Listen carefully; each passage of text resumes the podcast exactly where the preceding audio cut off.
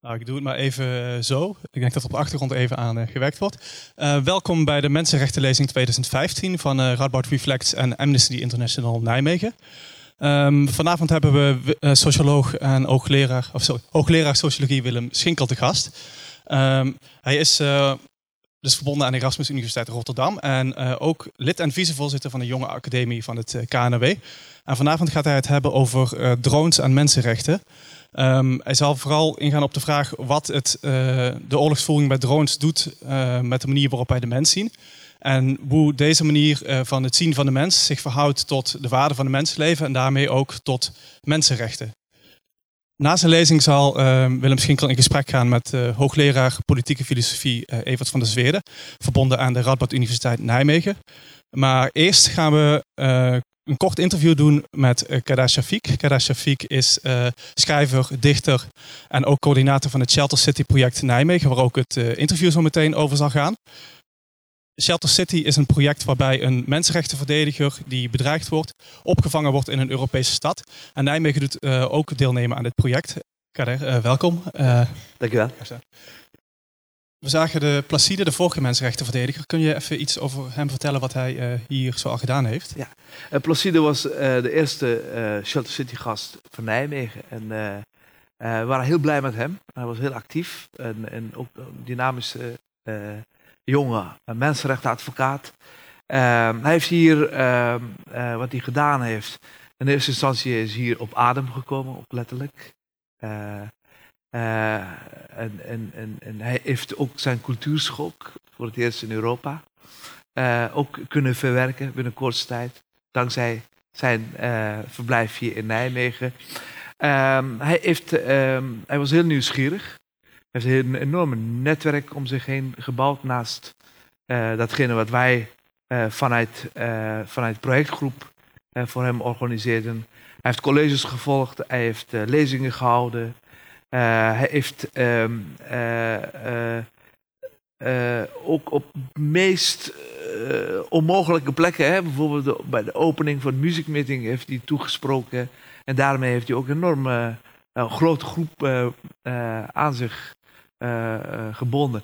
En, en wat hij ook concreet heeft gedaan, heeft hij gewoon ook contacten gelegd met de politieke organisaties, met verschillende bestuurslagen in Nederland, maar ook buiten ze in het Europese parlement geweest en met internationale organisaties. Dat zijn dingen die hij voor om mee te nemen gedaan. Tegelijkertijd heeft hij ook, zoals ik zei, heeft hij op een geweldige manier ons de spiegel voorgehouden uh, over de situatie in zijn land, de regio waar hij vandaan komt, uh, Oost-Congo, waar want hij, is, hij was als mensenrechtenadvocaat ook ehm, strijden voor, voor de erkenning van vrouwen die als vluchtelingen uit de buurlanden naar Oost-Congo waren gekomen. erkenning van kinderen die als slachtoffers van, van verkrachtingen geboren worden, die geen geboorteakte bijvoorbeeld kregen. Dat heeft hij allemaal gedaan op een, een, een, een, een, leuke manier. Dus hier ons de spiegel voorhouden, ons vertellen hoe belangrijk het is uh, om uh, vanuit hier de strijd van de mensenrechtenverdedigers elders uh, te steunen. Ja. We zien hier twee foto's van hem. Ja. Deze foto en deze foto. Maar en op dit moment hebben jullie een andere mensenrechtenverdediger ja. hier. Hè? Die ja, op de, ja, Mokami? Lydia Mokami. Dat is onze volgende. wij krijgen vier in totaal uh, als Nijmegen. Dat is een pilot van twee jaar. We krijgen twee mensenrechtenverdedigers. De tweede gast is uh, Lydia Mukami. Zij is uh, mensenrechtenactivist uit Kenia. En zij zit zich in voor, voor landrechten. Want de overheid in Kenia die bezet alle gronden van mensen. En, en, en, en er zijn miljoenen mensen in Kenia slachtoffers van. En zij zijn hele sterke lobbyisten. En, de mensenrechtenverdedigers die hier komen in het kader van het Shelter City programma, dat zijn ook bedreigde mensenrechtenactivisten. En, um, en Lydia uh, is uh, hier weer tot bloei gekomen, gelukkig. en we hadden straks met onze partners hier aanwezig, Amnesty Nijmegen, een, een aanwezige projectpartner, een hele, hele actieve. Um, Lydia had ook een cultuurschok. En natuurlijk ook als je hier in een stabiele uh, samenleving terechtkomt, dan ga je ook terugkijken.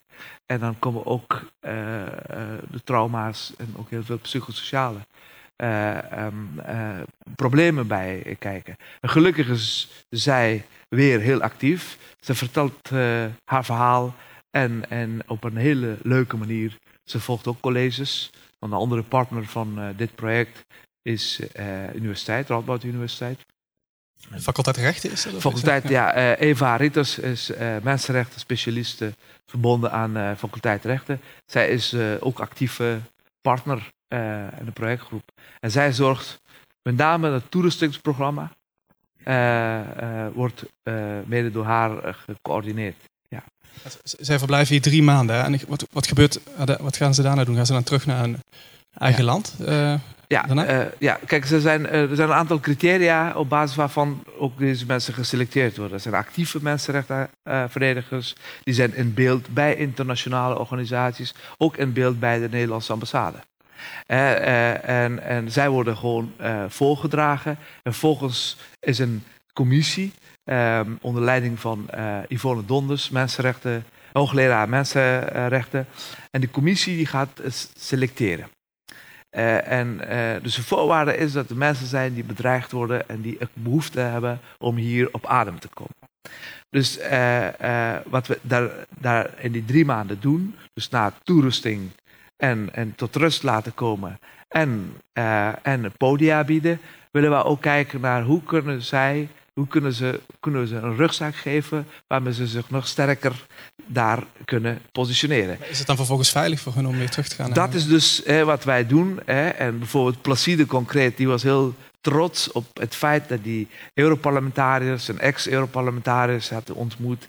En hij zei, nu gaat niemand mij... Hè. Hij was wel ook uh, uh, hier goed ontvangen door, uh, door de politiek, maar ook door internationale organisaties. Nu zegt hij, ik heb nu gewoon een sterke bescherming, een steun. En daarmee ga ik gewoon mijn werk voortzetten. Want dat is ook eerlijk gezegd de bedoeling dat deze mensen weer teruggaan. Hè? En, ze worden wel gemonitord. Ik hoorde net ehm, van Helene, zij is aanwezig van Amnesty. Zij had een gesprek gearrangeerd met Amnesty um, Nationaal, Nederland. En, en, en, en daar hebben ze ook contacten met Amnesty Kenia. En op die manier zorg je ook ervoor dat de, de die teruggaan, onze Shelter City gasten, dat zij ook toch van een, een vorm van steun en, kunnen genieten. Ja. En als uh, slotvraag, merk je dat uh, het draagvlak hier in Nederland vergroot voor het belang van mensenrechten door hun aanwezigheid? Ja, absoluut. Want kijk, als je kijkt naar recente eh, de, de, de, de, vluchtelingenproblematiek, eh, uh, de, de, verhalen over grondoorzaken van waarom mensen vluchten, worden gewoon nauwelijks verteld hier. Maar deze mensen zelf als voorbeeld, aan de hand van hun ervaringen, kunnen gewoon dat op een goede manier doen. En uh, uh, dus die aanwezigheid is wel een directe confrontatie met de wereld die wij weinig nauwelijks kennen. En, en, en daarom is het um, belangrijk dat wij hier in Nijmegen deze vorm van internationale samenwerking blijven koesteren. Want dan kijk ik ook naar het publiek. Het is een pilot van twee jaar. En een Nijmegenaren weet dat dit project een leuke manier is hè, om aandacht te besteden. Uh, uh, zowel aan, aan, aan, zoals Strijks ook in de film zei, aan, uh, aan, wereldburgerschap hier. Hè, dus een mondiale burgerschap. Maar ook um, een canvas waardoor je ook naar echte problemen in de wereld kunt kijken. Dus na een pilotfase, dit moet gewoon een structurele manier worden waarom, waarom Nijmegen aandacht besteedt aan de wereld. Ja, dank je voor je toelichting. Um, en uh, ja, heel mooi project. En uh, we hopen dat er nog veel mensenrechtenverdedigers in Nijmegen mogen komen. Um, wil ik nu graag het woord geven aan Willem Schinkel.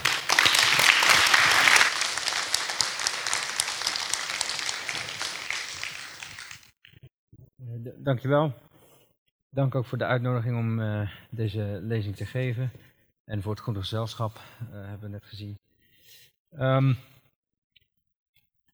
Er zijn uh, goede redenen om kritisch te zijn over mensenrechten. En omdat u komt vanwege uw interesse voor mensenrechten, ik, laat ik daar kort mee beginnen en er niet mee eindigen. Maar me er wel toe verhouden. Een eerste reden kritisch te zijn ten aanzien van mensenrechten is hun veronderstelde universele karakter. Voorstanders brengen daar vaak tegenin dat de universele verklaring van de rechten van de mens door denkers en politici uit allerlei landen en culturen is ondersteund en ondertekend, maar dat is niet per se een sterk punt, omdat gezegd zou kunnen worden dat dat een teken van de postkoloniale dominantie is, van wat in wezen een westerse verbeelding is. Ook dat is weer problematisch, omdat het eigenlijk een imperialistische interpretatie is die alles wat niet-westerlingen zeggen, interpreteert als altijd al door het Westen gekleurd. En daarmee worden claims nooit helemaal serieus genomen worden. Um, een tweede reden voor kritiek op mensenrechten is dat mensenrechten, die volgens de socioloog Hans Joas voortkomen uit de sacralisering van de individuele persoon, al te vaak samengaan met de sacralisering van bepaalde staten. Het zijn vaak westerse staten die claimen dat niet-westerse staten mensenrechten schenden.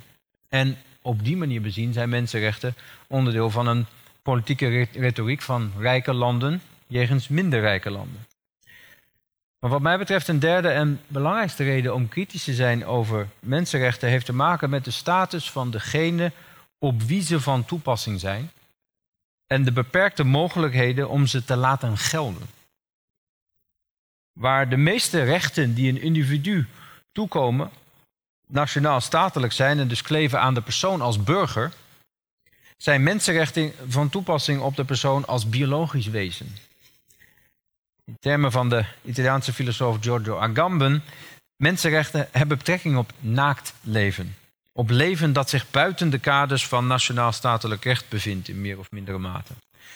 En dat is waarom diegenen die het moeten doen met mensenrechten alleen slecht af zijn. Wie gereduceerd is tot naakt leven, die vindt weinig instanties die zijn of haar mensenrechten gelding geven en daar praktische gevolgen aan verbinden. De naakte mens is eigenlijk de mens van de natuurtoestand, die toestand die voorafgaat aan de natiestaat. En die de enige is, die natiestaat, die echt consequenties kan verbinden aan mensenrechten. Vaak in alliantie met andere natiestaten. Maar in de praktijk bevinden personen als vluchtelingen, waarop deze problematiek in het bijzonder van toepassing is, zich vaak tussen rechtscategorieën in en zijn ze nooit geheel naakt leven. Maar wat heeft een migrant die de Middellandse Zee oversteekt in een klein bootje aan mensenrechten? Als hij of zij tevens een verbod heeft om op reguliere manier de oversteek te maken. Door Fort Europa juridisch dicht te timmeren worden migranten teruggeworpen op mensenrechten die door dezelfde juridische constructies in veel gevallen betekenis en consequentieloos worden. Mensenrechten is eigenlijk het beeld, dat doe je maar op een shabby bootje op zee. Dus wie alleen mensenrechten heeft om op terug te vallen, die bevindt zich in een uiterst levensbedreigende situatie. En mensenrechten kunnen zo bezien een manier zijn om bevolkingsstromen te sturen en te managen. Ze zijn ook een manier om naar believen crisis- en noodtoestanden te creëren op grond van humanitaire overwegingen. En daarmee halen ze de politieke overwegingen uit de hulp die in zulke gevallen geboden wordt. Nou, uit zulke kritiek wil ik niet uh, concluderen dat universele mensenrechten nutteloos of zelfs kwalijk zijn. Integendeel, ik wil concluderen vanavond dat ze misschien wel niet universeel genoeg zijn. En dat we ze met name in het licht van hedendaagse vormen van oorlogvoering misschien nader moeten kalibreren. Dus ik ga niet de universaliteit van mensenrechten problematiseren door zoals particuliere, westerse bijvoorbeeld, verworvenheden te zien. Maar ik wil wel duidelijk maken vanavond waarom mensenrechten in toenemende mate weinig praktisch betekenisvol zijn en gaan zijn. En ik wil dat duidelijk maken aan de hand van de richting waarin uh, oorlogvoering zich, uh, zich sinds enige tijd ontwikkelt. En ik wil bovendien als gevolg daarvan pleiten voor een vasthouden aan universalisme, maar dan een universalisme dat niet tevreden constateert dat we in het bezit zijn van het universele. En daarmee laat ik mij inspireren door een van de belangrijkste hedendaagse filosofen, uh, Judith Butler. Die schrijft over seksuele rechten en mensenrechten in de context van gender. En zegt bijvoorbeeld, en ik citeer, een anti-imperialistische of in minimale zin een niet-imperialistische conceptie van internationale mensenrechten moet bevragen wat bedoeld wordt met mens. En moet leren van de verschillende manieren waarop die in verschillende culturele contexten gedefinieerd is. Dat betekent dat lokale concepties van wat menselijk is en van wat de basale condities en behoeftes van een menselijk leven zijn, aan interpretatie onderhevig moeten zijn. Want er zijn historische en culturele omstandigheden waarbinnen het menselijke verschillend gedefinieerd wordt. En citaat. Dat is in zekere zin precies wat ik vanavond wil doen, maar ik wil het specifieker maken door te kijken naar de manier waarop technologie invloed heeft op de definitie van een mens. Ik citeer nog één keer Butler. Zij zegt: internationale mensenrechten gebeurt altijd in een proces van herdefinitie en heronderhandeling van het menselijke. Het mobiliseert het menselijke in dienst van rechten, maar het herschrijft het menselijke ook en articuleert het hernieuwd wanneer het op de culturele grenzen van haar werkdefinitie van het menselijke stuit. Eind citaat. Ik denk dat die herdefinitie van het menselijke tevens plaatsvindt in de technologische praktijk van oorlogvoering. Ooit behelsde oorlogvoering een ontmoeting tussen twee legers in een vallei of op een vlakte.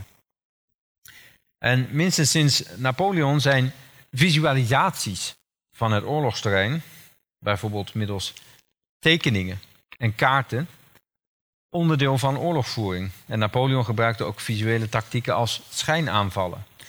En aan deze afbeelding hier is te zien dat het gebruik van kaarten eigenlijk een manier is om te zien van bovenaf. Daarom ook ontstond in de Eerste Wereldoorlog de verkenning vanuit de lucht middels fotografie. En dat ging hand in hand met de ontwikkeling van allerlei camouflagepraktijken. Dit is echt. Ik denk niet dat je daar graag in wou zitten. Oorlogsvoering wordt zo historisch gezien langzaam verlegd naar het terrein van het visuele, van het zien. Want zulke reconnaissance, en wat tegenwoordig ook wel onder de bredere noemen van surveillance valt, is tegenwoordig vergaand geautomatiseerd. Luchtverkenning gebeurt middels satellieten en drones. Met sensoren die in het donker zien en die soms door muren heen kijken. Wat is een mens in dit soort oorlogsvoering, waarbij het visuele op deze manier centraal staat? Vaak is dit het antwoord: een geheel van pixels op een scherm, waaraan een statistisch risicosignatuur gekoppeld wordt. En deze manier van zien verandert de status van wat ermee gezien wordt, namelijk een mens. En daarmee verandert het de universaliteit van de rechten die aan diens mens zijn kleven. Vandaar mijn titel, Ecce Homo, zie de mens. De vraag is, hoe zien we de mens als ons zien technologisch gemedieerd is door drones, infraroodcamera's, algoritmes en pixel interfaces? Nu is het zien van een mens, van wanneer we zeggen, dit is een mens die ik hier zie, aan historische variatie onderhevig. En die variatie staat in nauw, nauwe samenhang met de technologieën die gebruikt worden in mensvisualisaties. In zekere zin zijn zulke visualisaties altijd reductief. Want hoe, dat kunnen we ons om te beginnen afvragen, hoe kun je eigenlijk ooit een mens zien? Kan dat wel? Hooguit zien we een lichaam. Maar om een mens te ervaren zouden we meer zintuigen nodig hebben. En dan nog schieten we waarschijnlijk tekort. Want de rechten die een mens heeft bijvoorbeeld, zullen we nooit kunnen zien. En toch is een eerste voorwaarde voor de gelding van die rechten een variant van het habeas corpus. Er moet een lichaam zichtbaar zijn om daaraan rechten te attribueren. Maar de manier waarop lichamen zichtbaar gemaakt worden, reduceren mensen noodzakelijkerwijs. En ze zijn aan variatie, historisch gezien, onderhevig. En daarin speelt technologie een bepalende rol. Vooral de ontwikkeling van de luchtfotografie verandert de verbeelding van de mens drastisch. En hedendaagse drone operators, daar zal ik nog meer over vertellen vanavond, hebben het niet over mensen als ze naar een beeldscherm kijken, maar over bug splat, geplette insecten. Omdat ze van bovenaf kijken naar pixels die er meer als een geplette vlieg uitzien dan als mensen. Kunstenaars hebben in Pakistan een tegenbeeld neergelegd dat er zo uitziet. Maar het probleem is dat de drone operator dit ziet. Ziet u de mensen? Het gevolg daarvan is dit. En het nu beschikbare mensenrechten vocabulaire lijkt mij om meerdere redenen weinig geschikt om om te gaan met de praktijk van dit soort oorlogvoering. Ik heb zelf een zoontje van deze leeftijd, dus ik wil niet te lang dit beeld hebben, maar het is wel het gevolg van waar ik het over heb. De antropoloog Talal Assad geeft een voorbeeld om dit te illustreren. Tijdens de VN-missies in Somalië begin jaren 90 werden enkele Belgische en Canadese militairen aangeklaagd voor het uitvoeren van martelingen. Maar op hetzelfde moment, schrijft Assad, voerden de VS bombardementen uit waarbij hele huizenblokken weggevaagd werden, inclusief veel burgers die daar woonden. Maar wat op een duidelijke schending van de Geneefse conventies leek, werd niet voorwerp van rechtsvervolging, waarschijnlijk omdat het in een verticale commandostructuur stond die tot het Witte Huis liep. Heel hooggeplaatste personen zouden belast moeten worden, mogelijk zelfs de Amerikaanse president zelf. En wat het hier moeilijk maakt mensenrechten schendingen juridisch te maken, is een militaire doctrine. Die draait om overmacht, overwhelming force, zoals het heet, uit de lucht. En met die doctrine, constateert Assad, wordt marteling minder saillant, iets wat minder vaak voor zal komen misschien ook. Omdat het een directe confrontatie tussen soldaten en tussen soldaten en burgers omdat die vermeden wordt. Oorlogsvoering is met name, gebeurt met name uit de lucht. En slachtoffers veranderen daarmee van slachtoffers van mensenrechten schendingen in slachtoffers van of als collateral damage. En Assad schreef dit in 2003 en ik denk dat dit sinds die tijd alleen nog maar sterker geworden is. De dominante militaire doctrine is nog steeds die van overwhelming force en gerelateerd daaraan shock and awe.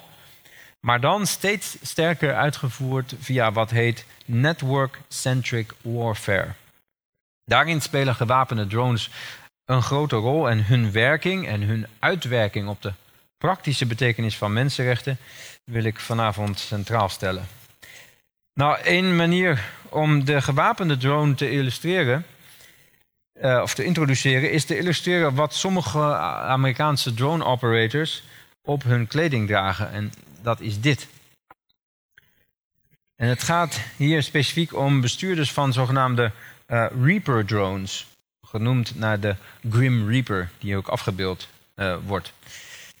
En terzijde is het misschien belangrijk te vermelden dat Nederland net vier van deze drones uh, aangeschaft heeft. Die worden in 2017 geleverd. Ongewapend werd de Tweede Kamer verzekerd. Maar de raketten die ze afvuren zitten standaard op Apache-helikopters, dus die hebben we simpelweg. Dus er is ook enige urgentie die niet alleen andere landen betreft om hierover te praten. Maar wat zijn drones nu eigenlijk? Drone is een woord dat voor mannelijke werkbijen gebruikt wordt en dat ook verwijst naar een brommend of zoemend geluid. Dat is ook daadwerkelijk het geluid dat veel mensen in eh, Afghanistan en Pakistan met regelmaat horen en dat hen angst inboezemt. Uh, het woord drone werd voor het eerst gebruikt waarschijnlijk in 1936 en raakte in de Tweede Wereldoorlog echt ingeburgerd.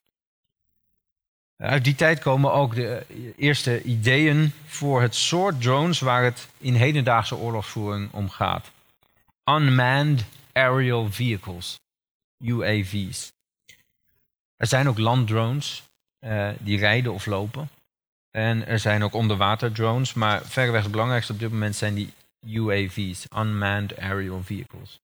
En een belangrijk kenmerk van zulke drones die daarom misschien wel beter robots genoemd zouden kunnen worden, is dat ze in zekere mate autonoom opereren. Ze kunnen vliegen zonder direct bestuurd te worden en kunnen zich tot op zekere hoogte aanpassen aan omstandigheden.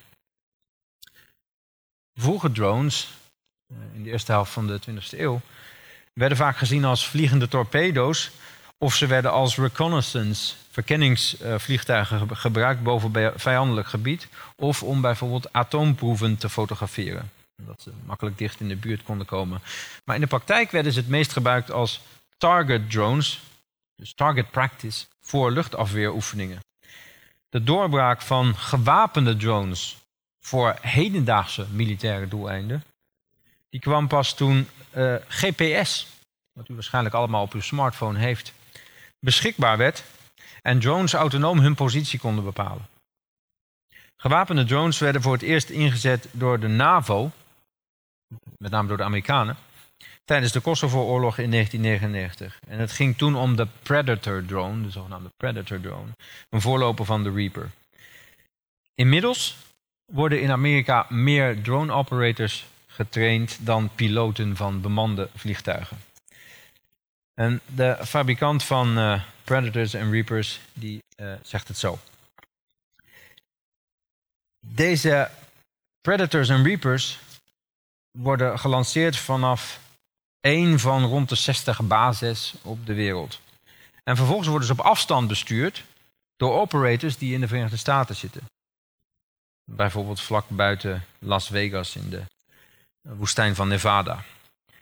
En sinds 2001 voert de VS drone-aanvallen uit in Afghanistan. Sinds 2002 ook in Jemen. Sinds 2004 in Pakistan. En sinds 2007 ook in Somalië. Dat zijn niet de enige landen waar drones ingezet worden. En de VS is ook niet het enige land dat dit doet. Israël bijvoorbeeld voert aanvallen uit op Gaza sinds 2004. Israël is ook een van de grootste, eh, Israël is de grootste exporteur van gewapende drones. En Israël kan ook op de kisten van de uh, wapens zetten combat proven, want ze zijn in Gaza gebruikt. Dus Gaza is in zekere zin een testgrond voor nieuwe militaire uh, middelen. Recent nog, in augustus 2015, werden twee Britten in Syrië gedood door een Britse uh, droneaanval.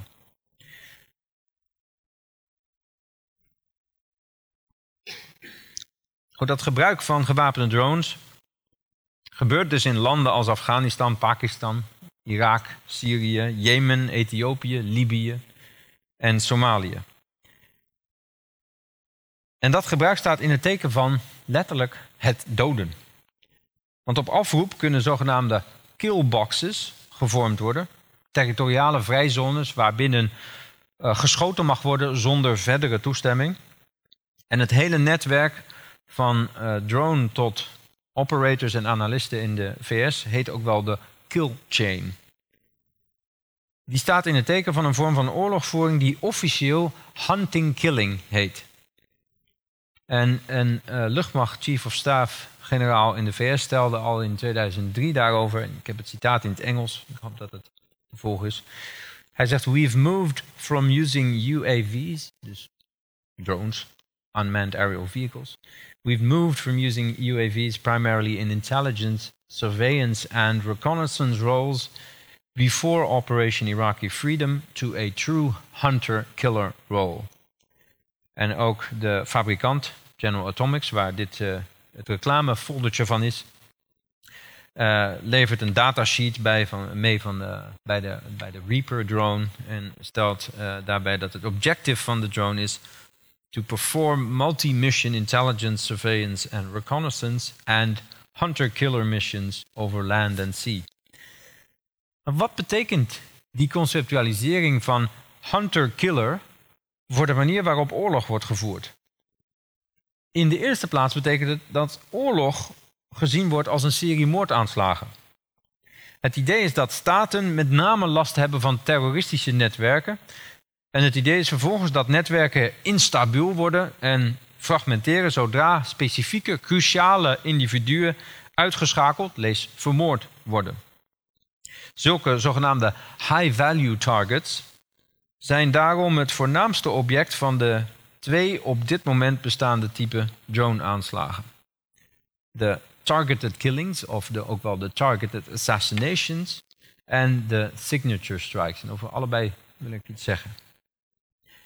De doctrine omtrent uh, targeted killings, ooit bedacht in Israël, die behelst het op afstand vermoorden van mensen die op een lijst voorkomen, die de Amerikaanse president op dinsdagen, ook wel Terror Tuesday genoemd, bekijkt en goedkeurt.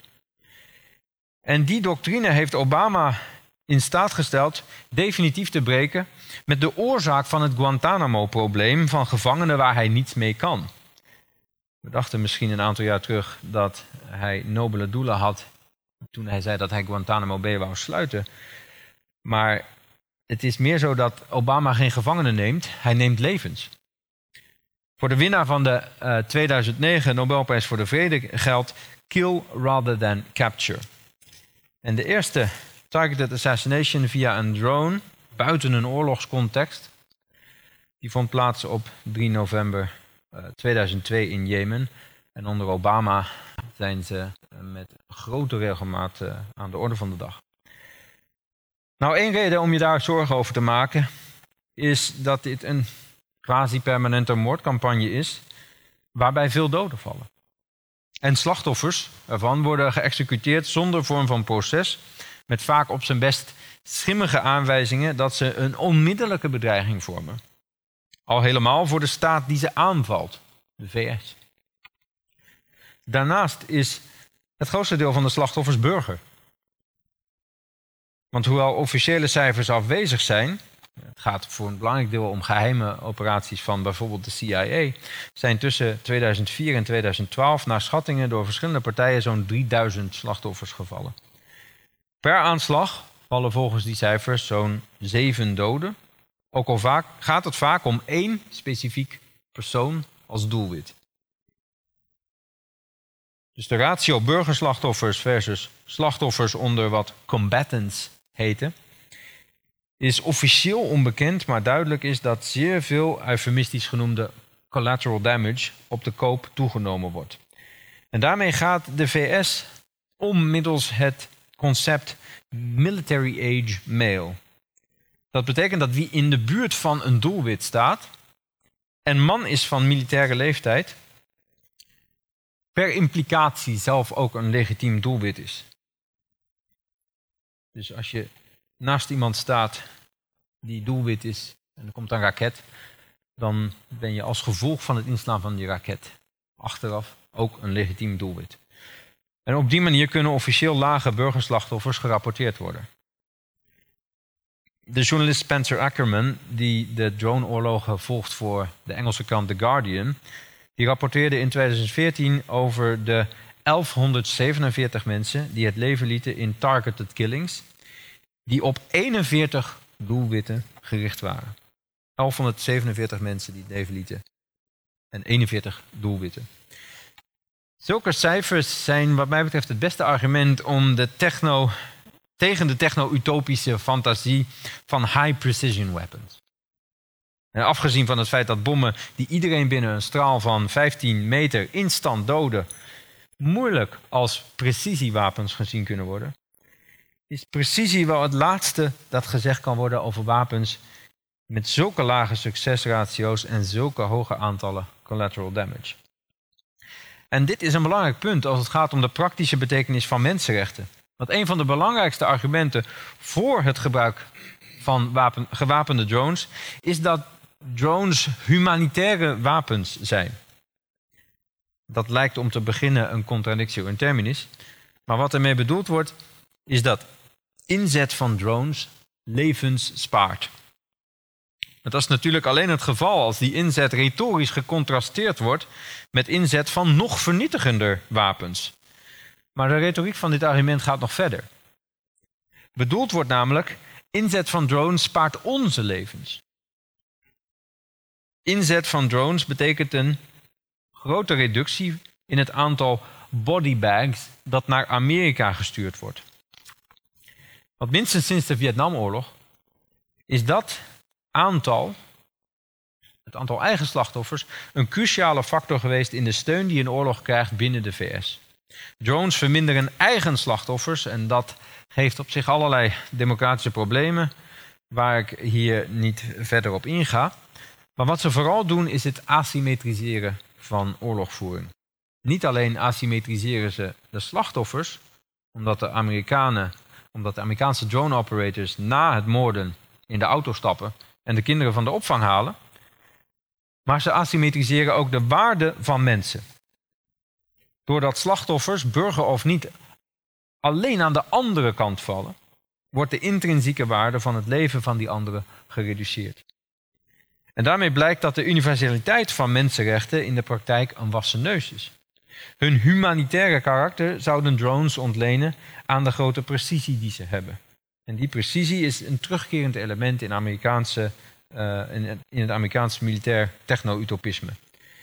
We kennen allemaal de indrukwekkende beelden uit de, de Irak-oorlog, waar precisiebombardementen voertuigen en bruggen uitschakelden. General Schwarzkopf liet dat dan zien voor de niet heel jonge mensen onder ons.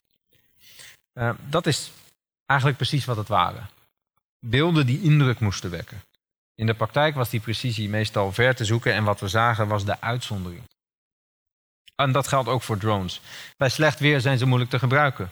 En zelfs onder ideale condities leveren ze een korrelig beeld op waarop het moeilijk is te zien wat een mens is en zeker wat man, vrouw of kind is. En ik wil dat aan de hand van een casus illustreren. In 2010 vielen bij een droneaanval in Afghanistan volgens de VS 15 of 16 doden. Ze bevonden zich in een konvooi onderweg, ze waren onderweg, en waren alle burgers. Volgens Afghaanse dorpsoudsten kwamen 23 mensen om het leven, waaronder twee jongetjes van 3 en 4 jaar. In de VS volgde een onderzoek, dat overigens zonder grote gevolgen was voor de betrokken drone operators, sensor operators en de officieren die meekijken en beslissen met een aanval. Maar de LA Times, de Los Angeles Times, publiceerde vervolgens het officiële transcript van de communicaties tussen deze militairen, gedurende de vier uur dat ze het konvooi via een Predator drone volgden. Voordat ze besloten tot aanval over te gaan.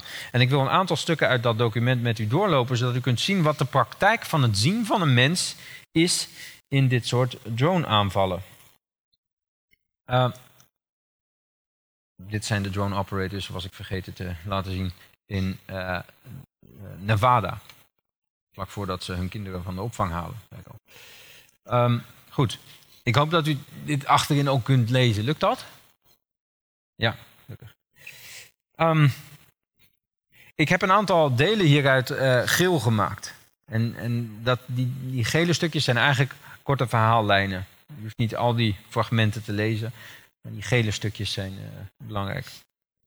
Wat we hier zien is dat de, uh, de militairen gericht zijn op verdenking.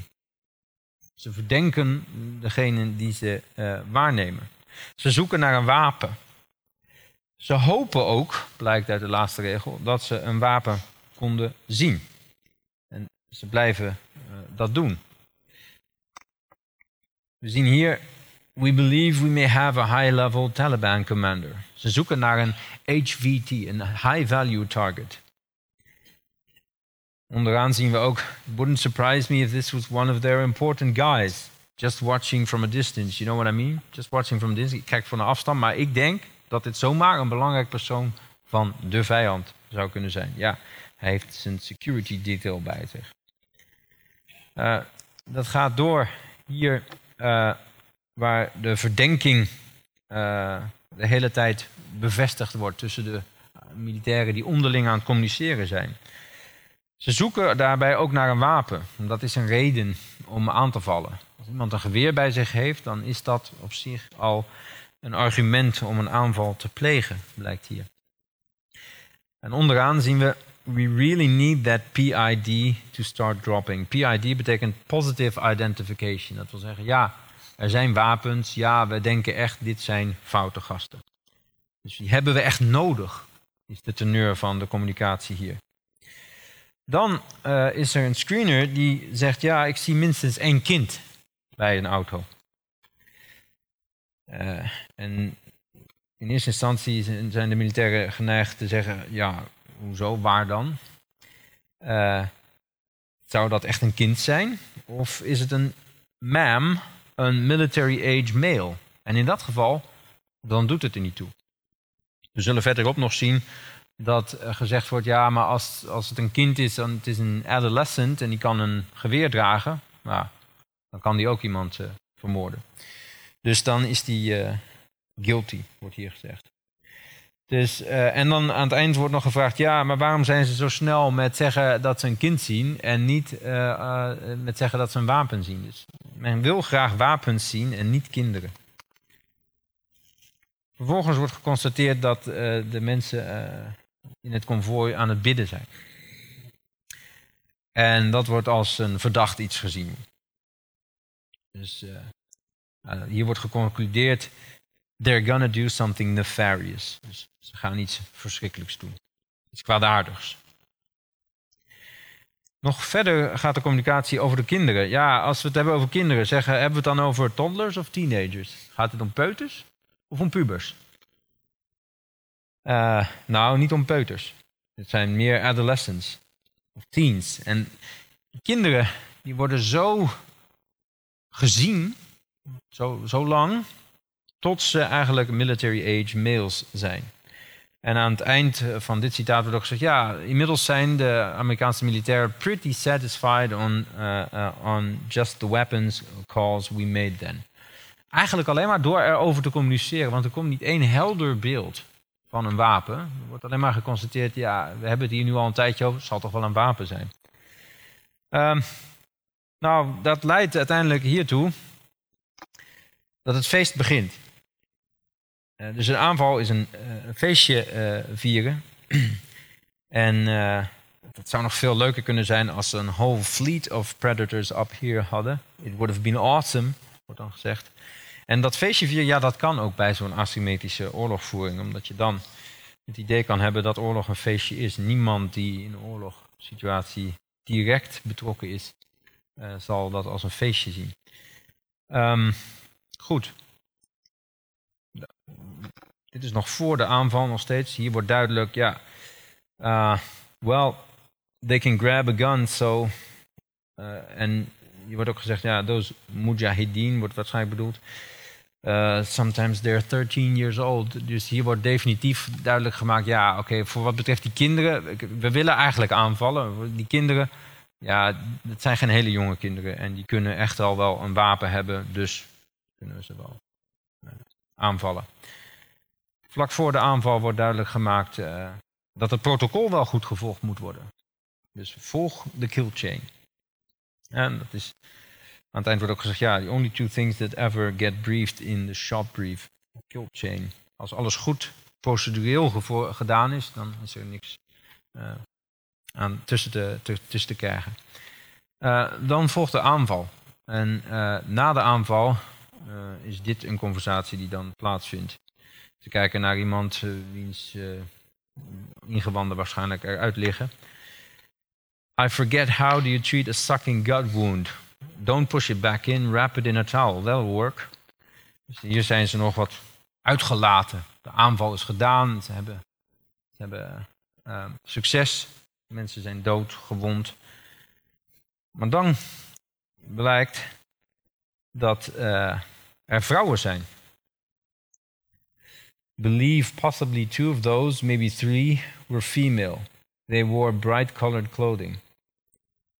Dan wordt gezegd, screeners said there wasn't any women, women earlier. En dan wordt gezegd, those are all people. Dus het eerste moment dat gezegd wordt, hé, maar dit zijn mensen. Iets soortgelijks gebeurt overigens in onze uh, berichtgeving over uh, drenkelingen op de Middellandse Zee. Vluchtelingen op de Middellandse Zee zijn vluchtelingen of gelukszoekers of asielzoekers of migranten Alleen als ze dood zijn, dan zijn het mensen. Let maar eens op in onze eh, berichtgeving. Dus nu worden mensen gezien, nu te laat is. Ja, wordt dan al gezegd, that's what I was worried about. Worry was eerder niet anders zichtbaar als een worry van, hey, kunnen we dadelijk niet aanvallen? Gaat ons feestje wel door? Um, What are those? Women and children. Yeah, looks like a kid. Um, still no weapons. Positive identification. Um, dus ja, still looking. Oké, we hebben geen wapens. Nu na de aanval. Duidelijk wel women and children. Uh, that lady is carrying a kid, huh? No, no. Uh, yeah, yeah, the baby. I think on the right. Ja, ja, ja. Iedereen ziet nu hele kleine kinderen. Younger than an adolescent to me. Well, yeah, no way to tell, man. No way to tell from here.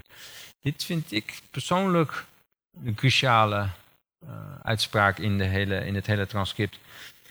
Alle zogenaamde precisie. Al die precisiewapens, al die surveillance. En na de aanval wordt gezegd, ja, hoe moesten wij dat zien? Hoe moesten wij zien dat daar een klein kind was?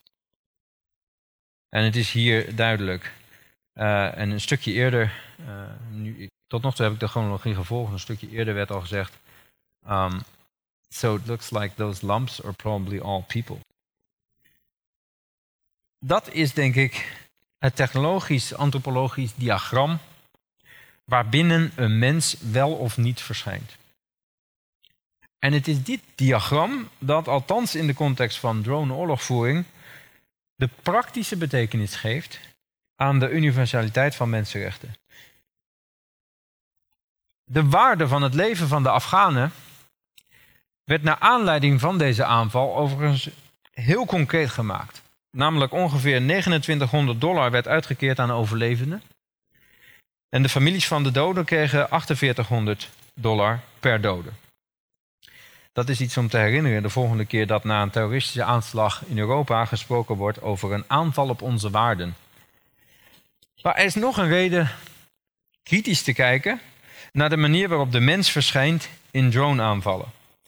Want naast die targeted assassinations waar ik het tot nog toe over heb gehad, zijn er namelijk zogenaamde signature strikes. En overigens het voorbeeld, de casus die ik er heb gegeven, is een vorm van signature strike, omdat daar niet van tevoren een duidelijk, duidelijk doelwit gekozen was. Maar men ging kijken en dacht, ja, aan dit patroon te zien, aan de situatie te zien, zijn dit foute lui. Die gaan we uitschakelen. Signature strikes. En daarbij vallen meer doden nog dan bij die targeted assassinations. Bij signature strikes wordt op basis van statistische waarschijnlijkheid besloten tot een aanval.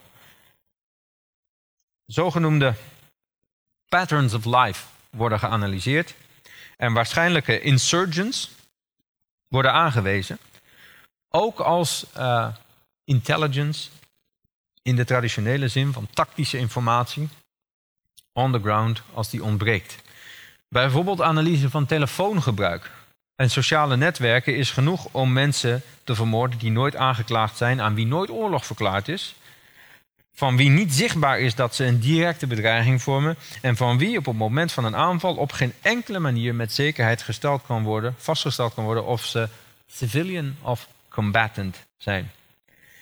En met signature strikes gebeurt iets heel bepalends in het zien van een mens. Een mens wordt hier exponent van een gevonden patroon, van een statistische regulariteit. Maar statistische verdelingen brengen altijd en per definitie afwijkingen van gemiddelde patronen met zich mee. Dat kennen we uit financiële markten, waar Nassim Taleb wel over black swans, ofwel onwaarschijnlijke maar ernstig verstorende verschijnselen spreekt, waarbij het gaat om statistische verdelingen met een zogenaamde dikke staart. Maar het komt tevens en wel noodzakelijkerwijs voor bij normaalverdelingen. Dat is die figuur die u hier ziet. Een statistische verdeling. Uh, omdat ook daarin de kans op een afwijking weliswaar klein is aan de uiteinden van de staarten van zo'n verdeling, maar altijd bestaat. Het komt dus ook voor bij drone-aanvallen op grond van signatures. Dat bleek bijvoorbeeld toen de Verenigde Staten vorig jaar de Al Jazeera-journalist Ahmed Zaidan aanwees als lid van Al-Qaeda op grond van zijn reisgedrag. Hij had veel plaatsen bezocht waar veel terroristen waren. Dit uh, komt uit de Snowden-files. En ja, hij had veel plaatsen bezocht waar veel terroristen waren. En dat hadden ze aan de hand van zijn simkaart kunnen traceren. Maar ja, hij was journalist. En bij dit type aanval wordt het zien van een mens nog abstracter dan het identificeren van pixels op een scherm. Vaak zijn dit soort aanvallen aanvallen op simkaarten, waarbij de assumptie is dat simkaarten onlosmakelijk verbonden zijn met personen. En het idee is dat die personen hoogstwaarschijnlijk kwaad in de zin hebben, wanneer ook en waar ook. Dus de mens verschijnt hier alleen nog als adres van proxies, als telefoonkaarten en output van statistische calculaties. En wanneer een mens op deze manier zichtbaar wordt, verschijnt hij of zij als correlaat van abstracties. De mens wordt een coördinaat op het kruispunt van een stel variabelen die algoritmisch gesorteerd worden. Een zogenaamde high scoring selector, zoals op dit plaatje zichtbaar is. Zo heeft bijvoorbeeld ook het Amerikaanse leger een algoritme, en dat is veel gezegd overigens, ontwikkeld om te bepalen of in de buitenlucht plassende mannen Pashtun of Arabier zijn. De laatsten staan als ze plassen, de eerste zitten. Dus het maakt nogal uit wat je doet als je, als je nodig moet, als er een drone boven je hangt.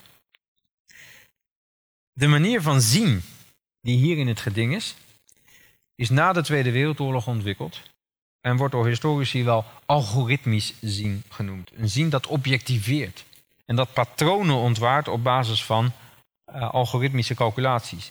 En het punt is natuurlijk dat dit zien, als alle vormen van zien, uitermate subjectief is. In dit geval wil dat zeggen dat de systemen waarmee gekeken en gecalculeerd wordt, hun eigen selectieve werking hebben. Ze kunnen bijvoorbeeld alleen met stereotype karakteriseringen van Pashtun en Arabieren werken. En ze zijn gericht op het positief identificeren van vijandelijke doelwitten. In contexten waarin zulke identificatie op afstand fundamenteel problematisch is. En dat is weer het geval omdat het onderscheid tussen burger en soldaat, of wat ook wel insurgent, combatant of terrorist genoemd wordt, niet meer helder te maken is. Dus het ultieme gevolg van drone-oorlogvoering is dat oorlog een quasi-permanente toestand wordt. En dat daarbinnen het onderscheid tussen burger en vechtende partij vervaagt. Dat maakt het praktisch onmogelijk een conceptie van mensenrechten kracht bij te zetten.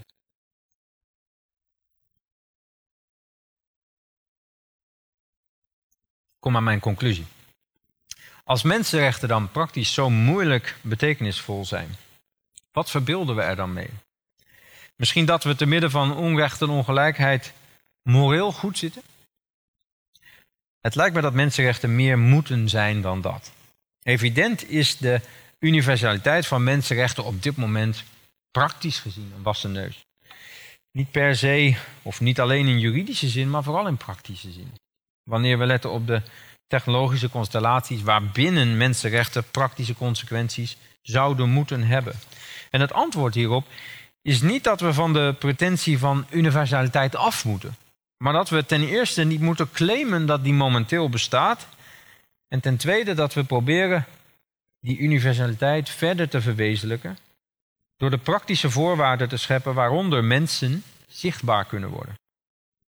Dat betekent om te beginnen, heel praktisch gezien, dat er een moratorium moet komen op het gebruik van, uh, van en de ontwikkeling van gewapende drones en zogenaamde lethal autonomous robots, ook wel killer robots.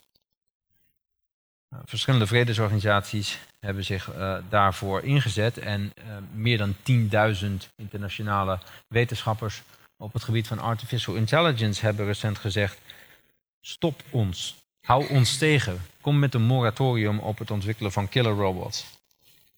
Politici vinden het nog niet nodig. En recent vonden uh, juristen onder leiding van een ex-militair het ook nog niet nodig. In Nederland. Um, daarnaast, naast zoiets heel praktisch als zo'n moratorium, moeten we opnieuw durven verbeelden wat de universaliteit van mensenrechten eigenlijk betekent. Ik heb betoogd dat er allerlei praktische grenzen aan zitten. Maar er zitten ook grenzen aan onze verbeelding van die universaliteit.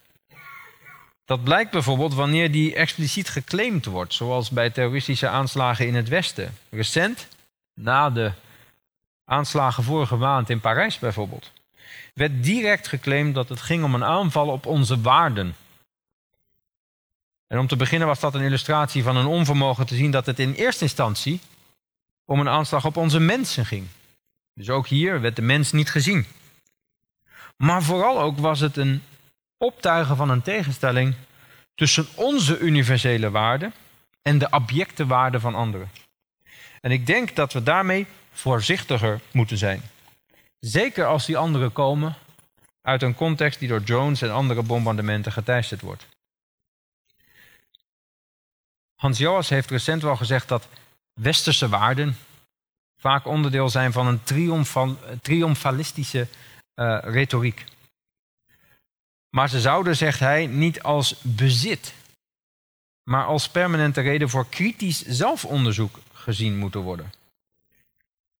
Ik zou dat expliciet willen maken in wat een uh, Cartesiaanse imperatief voor mensenrechten genoemd zou kunnen worden. Een dergelijke systematische twijfel aan de universaliteit van mensenrechten lijkt mij het enige dat werkelijke universaliteit kan claimen. Alles wat op basis van die twijfel gebouwd wordt, moet steeds ook op zijn asymmetriserende en hiërarchiserende effecten bezien kunnen worden. Dat betekent ook dat het veld waarop we mensenrechten van toepassing achten, niet bij voorbaat ingeperkt is. Het is bijvoorbeeld legitiem om te, onderzoeken of, en zo ja hoe, ongelijkheidsconstellaties, die tegelijk militair, logistiek en financieel zijn, nauw verbonden zijn met financiële markten bijvoorbeeld, onderwerp van positief rechtelijke procedures kunnen worden. En het betekent ook dat we de juridische notie mensenrechten kritisch confronteren met de technologische constellatie waarbinnen mensen die zulke rechten zouden hebben, in eerste instantie zichtbaar worden.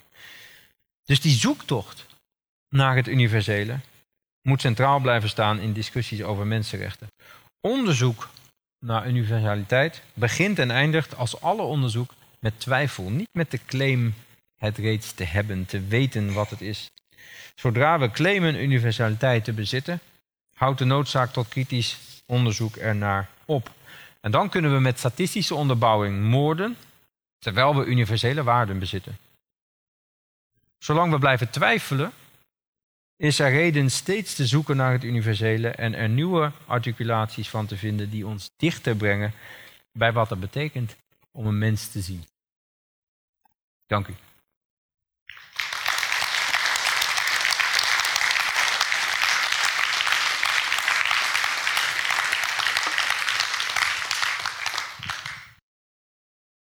Willem Schenkel voor deze uh, gepassioneerde en deels ook huiveringwekkende uh, lezing. Ik denk dat als er iemand in de zaal geweest zou zijn vanavond die nog dacht, die drones, dat vind ik wel een goed idee, dan is die persoon denk ik nu wel definitief genezen.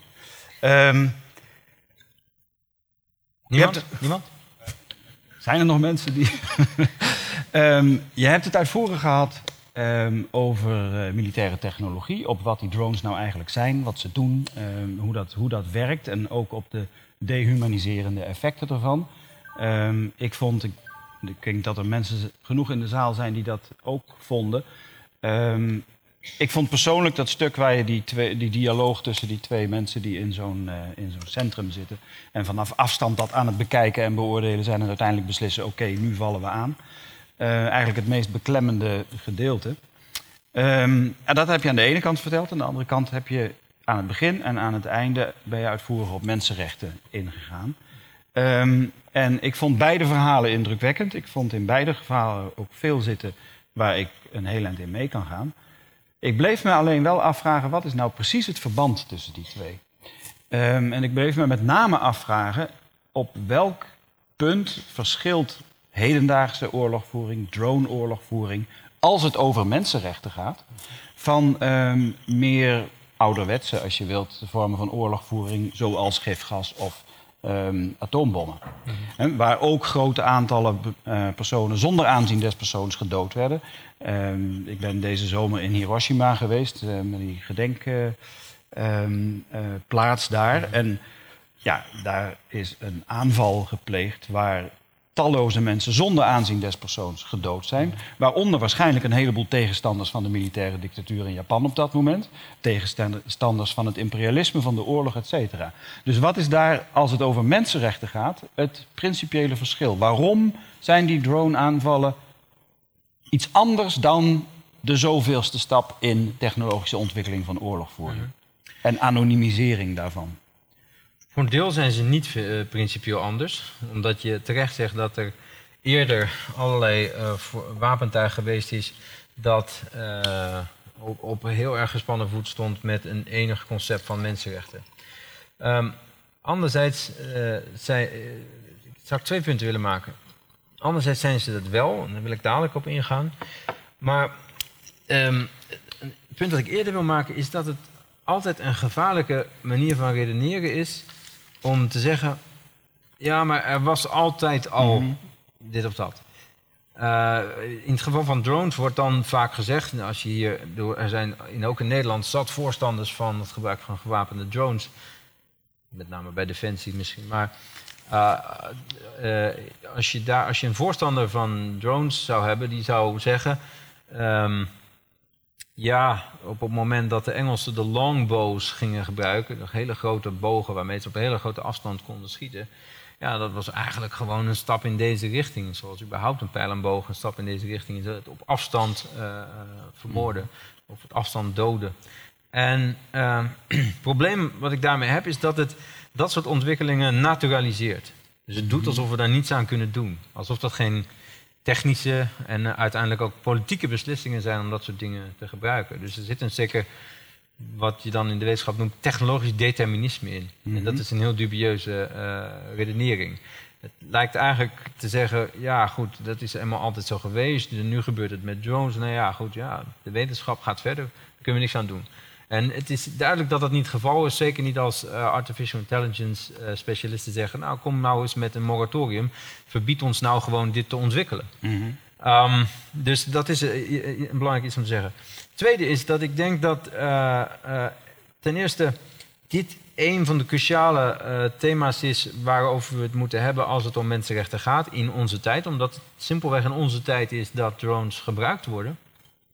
Maar ook dat drones iets aan die asymmetrische oorlogsvoering ehm, perfectioneren, zou ik maar zeggen.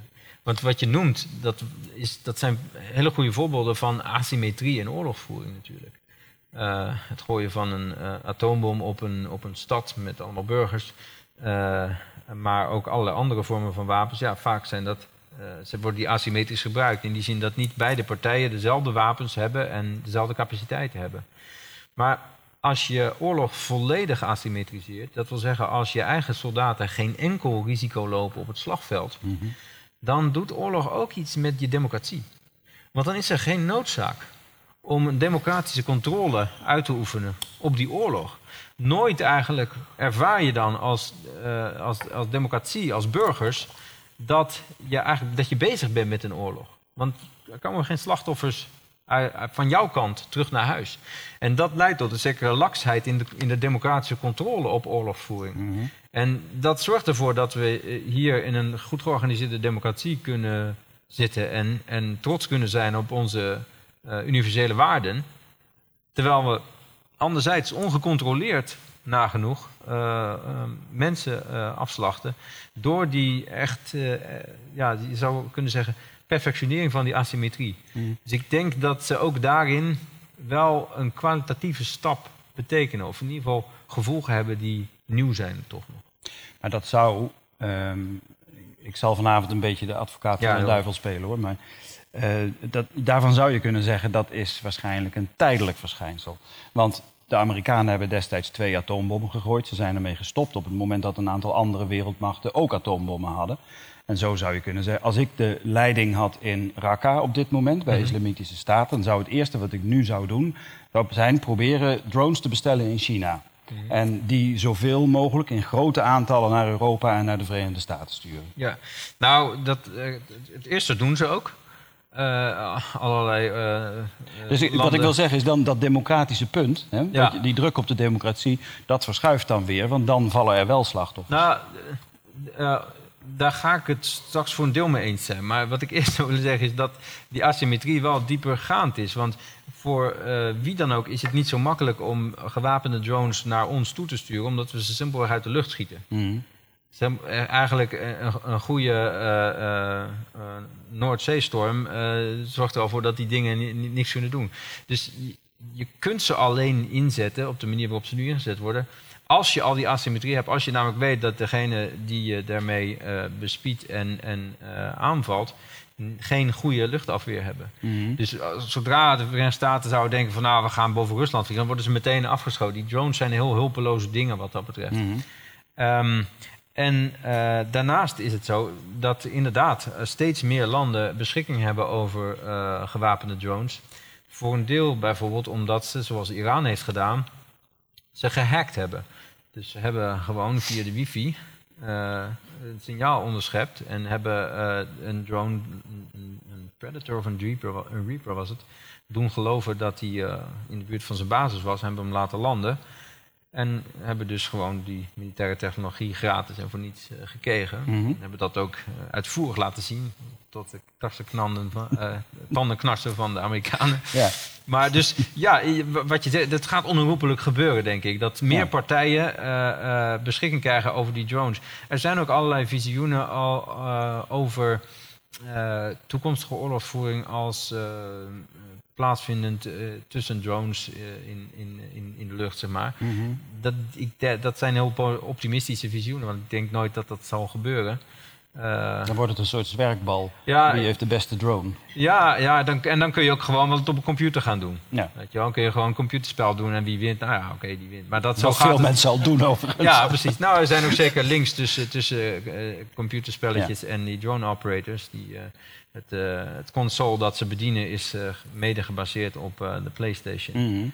Omdat die jongens en meisjes daar helemaal ervaring mee hadden. Dus, maar ik denk niet dat dat zal gebeuren. Ik, ik denk als je ziet de richting waarop uh, oorlogsvoering gaat, is, is dat technologische voorsprong geconsolideerd wordt. En dat steeds nieuwe stappen daarin gezet worden. Dus die network-centric warfare. Daarin spelen inmiddels killer robots ook een heel grote rol. Mm -hmm. dus, dus er zijn allerlei ideeën in het Amerikaanse leger en in Israël ook over, en ze bestaan voor een deel al, over bijvoorbeeld uh, nanodrones. Dus dat zijn uh, uh, hele kleine, kleine dan vogeltjes, zeg maar. Die, die, die stuur je de duizend van een stad in en je, je gaat op zoek naar de specifieke persoon die, je- die je wil hebben. Ze vliegen voor je en ze schieten je dwars door je hoofd heen. En dat zijn weer nieuwe vormen om dit soort technologie te gebruiken. Mhm. Dus uh, wat ze doen is dat ze uh, uh, het hele civiele leven tot terrein van oorlogsvoering maken. Mhm. En dat doen ze omdat volgens de Amerikanen en volgens de Israëli's uh, de, de, degene die, uh, die kwaad willen, zichzelf permanent camoufleren als burger en opgaan in, in, uh, tussen burgers. Dus ja, dat maakt dat soort vormen van oorlogsvoering heel problematisch. Juist weer vanuit het perspectief van mensenrechten ook, denk ik. Um, ja, maar daar zet je twee stappen tegelijk, Ja. volgens mij. Want ik denk dat het inderdaad heel problematisch is. Mhm. Ik denk dat die hele ontwikkeling waarbij uh, in principe iedereen een target kan zijn, et cetera, dat is doodeng. Ja. Um, ik denk tegelijk dat de militaire geschiedenis tot nu toe heeft laten zien dat de tegenstanders altijd dezelfde wapens ook ontwikkelen. Dus dat dat een kwestie van tijd is. Uh, technologische voors voorsprong is altijd cruciaal geweest in oorlogvoering en is altijd tijdelijk geweest. Hè, dat begon met die Engelsen en die longbows. Na een tijdje hadden de vikingen die ook. Mm -hmm. Uh, en dat zal met die drones, denk vermoed ik, niet anders zijn. Maar je zei twee dingen tegelijk. Het andere was, dat heeft consequenties voor mensenrechten. Mm -hmm. Dat heeft belangrijke consequenties. Mhm. En dat, dat brengt mij op het tweede spoor in, uh, in jouw verhaal. Um, en misschien heb ik het verkeerd begrepen, dan moet je het me nog een keer uitleggen. Maar ik snap niet heel goed wat jij bedoelt met het contrast tussen de universaliteit, universaliteit van de mensenrechten, zoals ze geclaimd worden, hè, bijvoorbeeld in de Universele Verklaring van de Rechten van de Mens, aan de ene kant, en de feitelijke empirische schending op grote schaal, daar zijn we het denk ik heel snel over eens, van mensenrechten. Um, om het anders te zeggen, ik snap als filosoof snap ik niet hoe universaliteit in gradaties kan komen. Dus hoe iets meer of minder universeel kan zijn. Iets is universeel of het is niet universeel. Um, dus ik heb het idee dat je daar ertoe neigt om de, zeg maar de empirische situatie, als het ware op die universaliteit van die mensenrechten te projecteren. Waar ik zou denken, je kunt dat ook omdraaien. Je kunt zeggen, gezien het feit dat wij vinden dat mensenrechten universele toepassing hebben, waarbij we open zullen staan misschien voor herziening daarvan of uitbreiding of wat dan ook, is een uitgangspunt om allerlei situaties in de wereld te bekritiseren Ja. en te proberen daar iets aan te doen. Mhm. En die poging is eigenlijk in die mensenrechten ook al vervat. Eén van die mensenrechten is bijvoorbeeld: iedereen heeft recht op een nationaliteit. Iedereen heeft recht om onderdeel te zijn van een rechtsorde. Nou, het is duidelijk dat heel veel mensen op de wereld dat niet zijn. Maar dat is dan meteen een reden om daar iets aan te proberen te doen.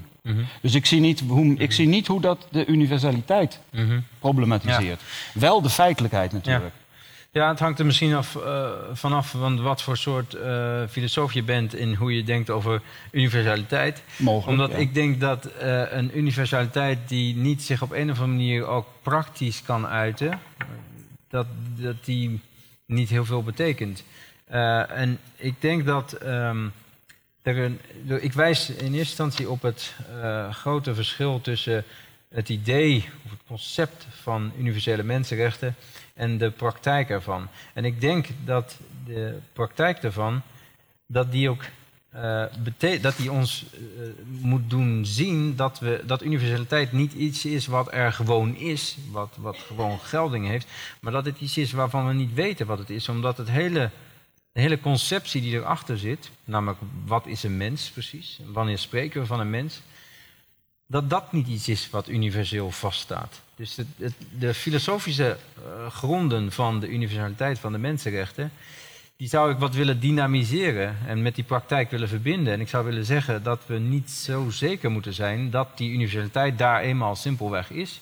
Maar dat eh, het beste wat wij kunnen doen voor de mens is minder zeker zijn daarover en permanent onderzoeken waarin die universaliteit, nu, universaliteit ligt en hoe we er uitdrukking aan zouden kunnen geven. En voor een deel is dat een ander filosofisch startpunt, ehm, waarbij we praktisch gezien misschien best wel op een soortgelijke dingen uit zouden komen, omdat jij misschien zou zeggen, ja goed, die universele mensenrechten die zijn een standaard waar, aan de hand waarvan we dit moeten beoordelen.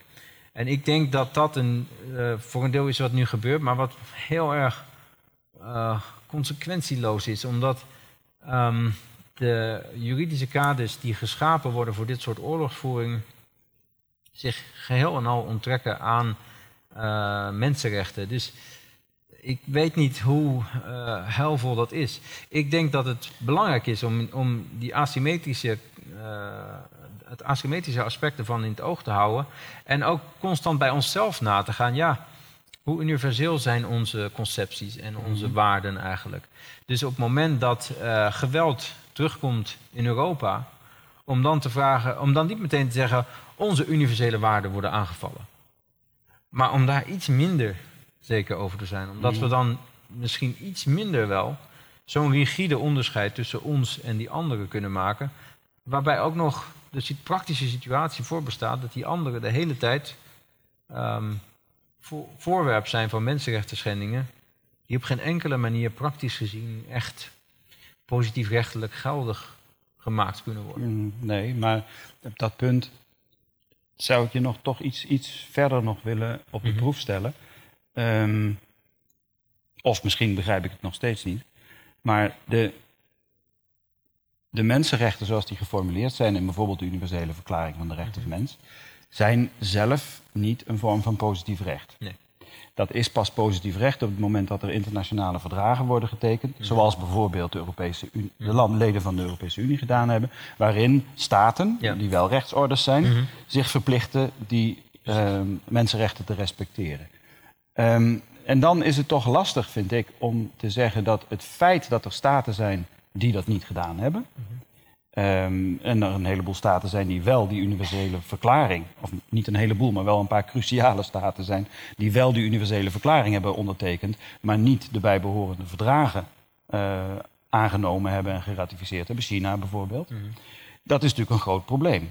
Maar zegt dat iets over de universaliteit van die mensenrechten? Of zegt dat iets over hoe moeilijk het is om van een universele verklaring, die toch vooral na de Tweede Wereldoorlog een soort intentieverklaring was, en waar je misschien ook een triomfalisme inderdaad, ik ben dat met Joas wel eens, in kunt, in kunt zien, om te zetten in zoiets als positief recht.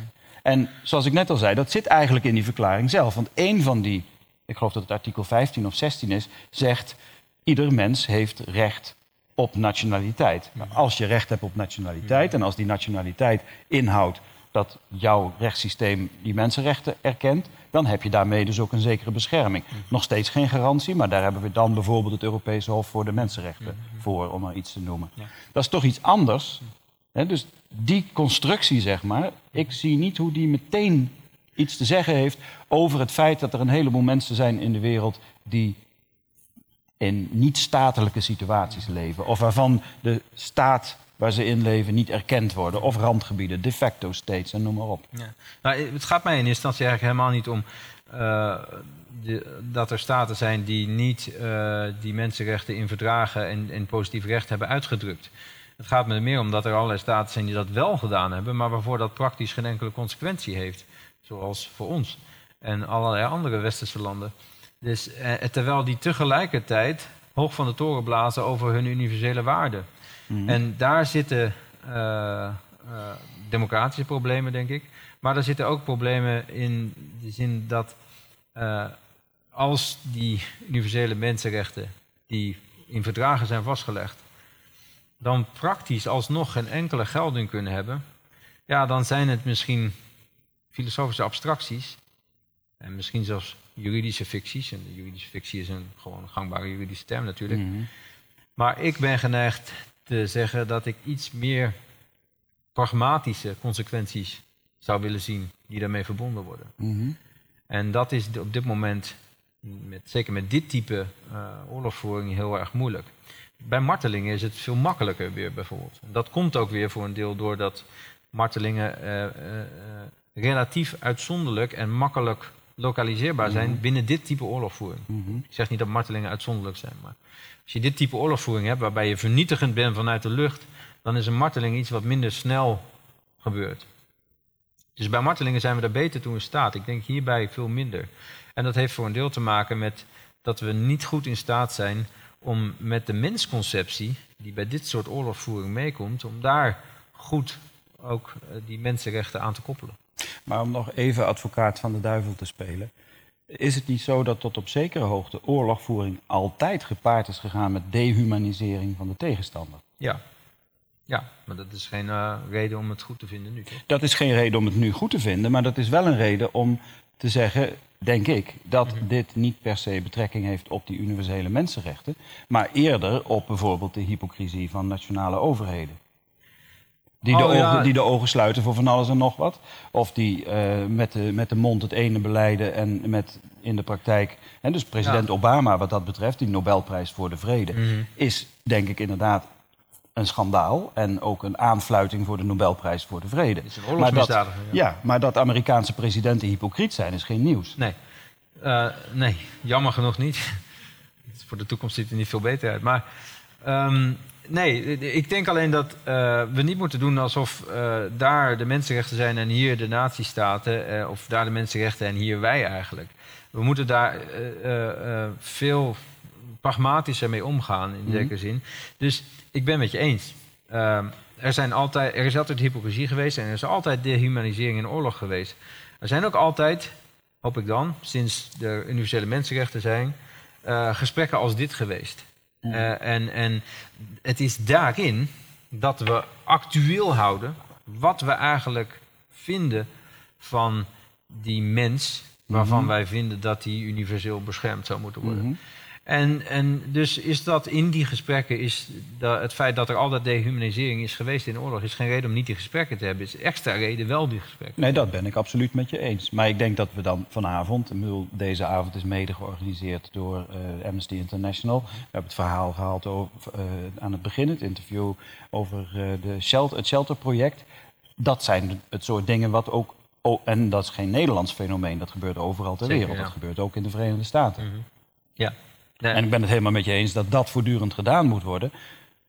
Ik zie persoonlijk nog steeds niet waarom dat hetzelfde is of iets te maken zou hebben met twijfel aan de universaliteit van die mensenrechten. Ik zou het eerder omdraaien en zeggen dat is juist een argument voor die universaliteit. Daarom houden we die gesprekken. Ja, ik denk dat, we, dat die universaliteit iets anders is. Dat het niet iets is wat simpelweg daar is, vaststaat. Maar dat het iets, iets is wat ons noopt tot permanent onderzoek ernaar. En dat eh, dat een manier is om om te gaan met eh, eh, zo'n conceptie van een mens die altijd historisch variabel is. cultureel variabel is en politiek variabel is. Dus dat, wat die mens is, dat moet onderwerp van reflectie blijven. Mhm. En daarom moeten we ook permanent die reflectie hebben op dat universele en niet zeggen, nou, dat is simpelweg daar en dat is de standaard waaraan we alles beoordelen. Ja, over een paar duizend jaar zullen we echt niet nog met dezelfde eh, universele verklaring voor de rechten van de mens werken. Dat zou best kunnen, ja. Kun je een voorbeeld geven van iets waarvan jij denkt... dat is aan het verschuiven of dat zou moeten verschuiven? Daar zou misschien een van de artikelen van die eh, universele verklaring... waarvan je zegt dat, zou, dat is verouderd of achterhaald of wat Nee, nee, ik, nee ik, ga, ik, ik, heb, ik ben expres niet zo expliciet daarop ingegaan. Omdat ik, eh, het is niet, ik, ik ben niet zelf een jurist die, eh, die daar het fijne van weet. Ik, ik, ik kom meer van de andere kant, inderdaad vanaf die empirie. En constateer, ja, wat betekent zo'n conceptie van universaliteit in het licht van deze praktijk? Dus daar kun je zeker de kritiek op hebben. Ja, je, je eh, hebt een te empirische opvatting. Mm, Zwa, dat zij zo. Dat is mijn inbreng, zou ik zeggen. Mhm. en, en ik ben niet de persoon om te gaan zeggen... oh, maar je moet dit artikel zo doen. Dan moet je, waarom zou je mij daarop vertrouwen? Dat eh, lijkt me geen goed idee. Nou ja, omdat als je zegt dit, het gaat over democratie en het gaat over permanent gesprek, dan zou je kunnen zeggen, je hebt misschien niet als wetenschapper of als academicus een soort privilege om het daarover te Ja. hebben, maar er is ook geen enkele reden waarom je niet over mee zou mogen praten, de, of er ideeën over zou mogen hebben. Ja, nee, maar ik heb daar geen vastomlijnde idee over. Ik heb wel ideeën over ehm, de, de praktijk waarin eh, we eh, over mensen praten in oorlogvoering. Mhm. En, en dan constateer ik dat geheel en al onduidelijk is wanneer we überhaupt zoiets bazaals als dit is een mens, ik zie een mens zeggen. En ik constateer vervolgens dat dat dan heel problematisch is in het gebruik van mensenrechten. Mhm. Dat is wat. En is, is voor jou daar de empirische, je noemde jezelf daarnet iemand uit meer uit de empirische hoek. Ehm, is voor jou het empirische hetzelfde als het praktische? Daar waar je zou kunnen zeggen, het praktische heeft meer met het politieke te maken en met, met, met eh, het willen veranderen van dingen bijvoorbeeld. Ja, ik, ja, En empirisch is eerder van, nou, wat treffen we aan? Wat we aantreffen is dat er in New York een eh, mensenrechtenverklaring in marmer gebeiteld is... en dat er in Jemen mensen door drones omkomen. Dat is empirisch. Ja, dit, ik zeg net dat ik van de empirie kom. Dat is grappig, omdat er veel van mijn vakgenoten vinden dat ik helemaal niet van de empirie ben, dat ik een, eh, een filosoof ben. Maar eh, Je zit tussen twee vuren, zeg ja, maar. weet je wel. Maar dat is juist omdat, het, omdat je het allebei nodig hebt. Dus Ja. ik zou geneigd zijn om te zeggen: nee, dat, dat praktische dat is inderdaad nauw verweven met het empirische. Het is er ook niet goed van te scheiden. Mhm. Dus dat wat onze, eh, eh, onze politiek eh, is, is niet te scheiden van dat wat je net als empirisch onder- omschrijft. Dus Mhm. als we op, met deze technologie te werk gaan, ja, dan verandert onze politiek, dan verandert onze democratie. Du moment dat we dit soort wapens inzetten en eh, het effect daarvan is dat we eigenlijk laks zijn op het controleren van onze eh, oorlogvoerende instanties. Du moment dat dat gebeurt, verandert onze democratie. Dus is daar, gebeurt daar iets politieks tegelijk. Mhm, mhm. En die constellaties zijn heel erg verweven. Dus dat is waarom ik daar wat mij betreft altijd tussenin begeef. Ja, oké, helder. Ik wil eh, naar de zaal toe gaan.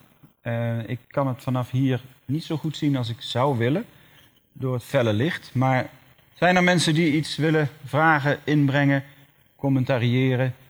Ja, Eh, ja, ik had een vraag over de toepasbaarheid van de mensenrechten. Ehm, ik weet dat er eh, twee sets van rechten zijn. Je hebt ehm, eh, International Human Rights Law, dat is waar wij nu onder vallen, zeg maar, als er geen oorlog is. En je hebt International Human, Hu- Humanitarian Law, dat is dus als er een oorlogsgebied is. Ehm, zijn de mensenrechten daar nog wel toepasbaar in als er oorlog is en er is dus International, International Humanitarian Law? Is de vraag aan mij? ja. Ja, we zitten hier allemaal. Ah, ik alle denk- vragen zijn in principe Ah, vragen oké. aan jou. Damn it. Ik, zit, ik dacht, ik zit hier met een politiek ik Ja, uit, nee, maar- mensen mogen mij ook wel wat vragen, maar jij bent de spreker. Eh, ik denk dat de, de voorafgaande vraag of meer constatering moet zijn dat, dat, ehm, dat we in dit soort situaties niet met oorlog in reguliere zin te maken hebben. Dus eigenlijk alle recente oorlogen, die wij oorlog noemen, daar ging geen oorlogsverklaring aan ten eh, aan vooraf. Het is geen oorlog in reguliere zin wat eh, gebeurt in Irak en Afghanistan Syrië. in theorie wel. Huh? In Afghanistan wel en in Irak ook. Daar is wel, tenminste, Nee. ehm, Afghanistan, daar hebben ze de oorlog verklaard aan de Taliban. Dus de vraag of dat het nu nog steeds Ja, dezelfde oorlog Dat is. is heel wat anders. Maar ehm, Dus, dus ons, onze manier van spreken over oorlog, dat komt uit de, de tijd dat nazistaten elkaar eh, oorlog verklaarden. Dat komt uit de tijd van, Claus, van Clausewitz. En dat is fundamenteel niet meer aan de orde. Eh, dus eh, het Westen, of de Westerse coalitie, heeft niet de oorlog verklaard aan Irak toen we daar naartoe gingen. In de laatste, er is geen oorlog verklaard aan eh, Afghanistan. Eh, eh, er is ook geen oorlog verklaard aan de Taliban, anders dan in eh, uitspraken. Ah, we zijn in oorlog met ze. Zoals Mark Rutte recent zei: wij zijn in oorlog met ISIS. Het is niet een officiële oorlogsverklaring, dat kan ook niet. Dus, en, dus daarom, dat maakt het, om antwoord te geven op je vraag, heel problematisch welke, welk rechtsregime nou eigenlijk van toepassing is. En ik ben eh, geen jurist en ik, weet eh, iets van die eh, juridische discussies, maar ik weet dat juristen zelf heel erg verdeeld zijn over de vraag, ja, welk type recht moeten we hier nu eh, op van toepassing verklaren? Je hebt ook bijvoorbeeld het jus in bello, het, het, eh, eh, het oorlogsrecht. En, maar dat is niet goed toepasbaar hier. En ehm, er zijn juristen bij, die bij het Amerikaanse en Israëlische leger werken, die werken aan modellen om dit te accommoderen. Er zijn heel veel juristen internationaal die, gezien die zeggen, ja, die drone-aanvallen zijn eigenlijk niet goed juridisch te rechtvaardigen. In heel veel gevallen. In sommige gevallen wel misschien, maar in heel veel gevallen niet. Eh, het is tekenen dat eh, in Israël degene die, eh, die targeted assassinations doctrine juridisch hebben willen legitimeren, hebben gezegd: Weet je wat, we gaan het gewoon doen.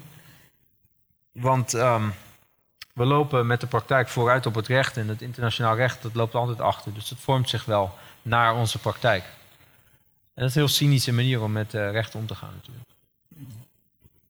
Nou, dat, dat laatste. Je zou denk ik kunnen verdedigen dat het recht dat eigenlijk altijd doet. Ja, maar dat is geen reden om een voorschot te nemen erop. Hè? Letterlijk een voorschot. Nee, ik, ik zie het cynisme wel, maar ik bedoel, je kunt denk ik wel zeggen dat rechtssystemen altijd in zekere zin een antwoord zijn op maatschappelijke ontwikkelingen.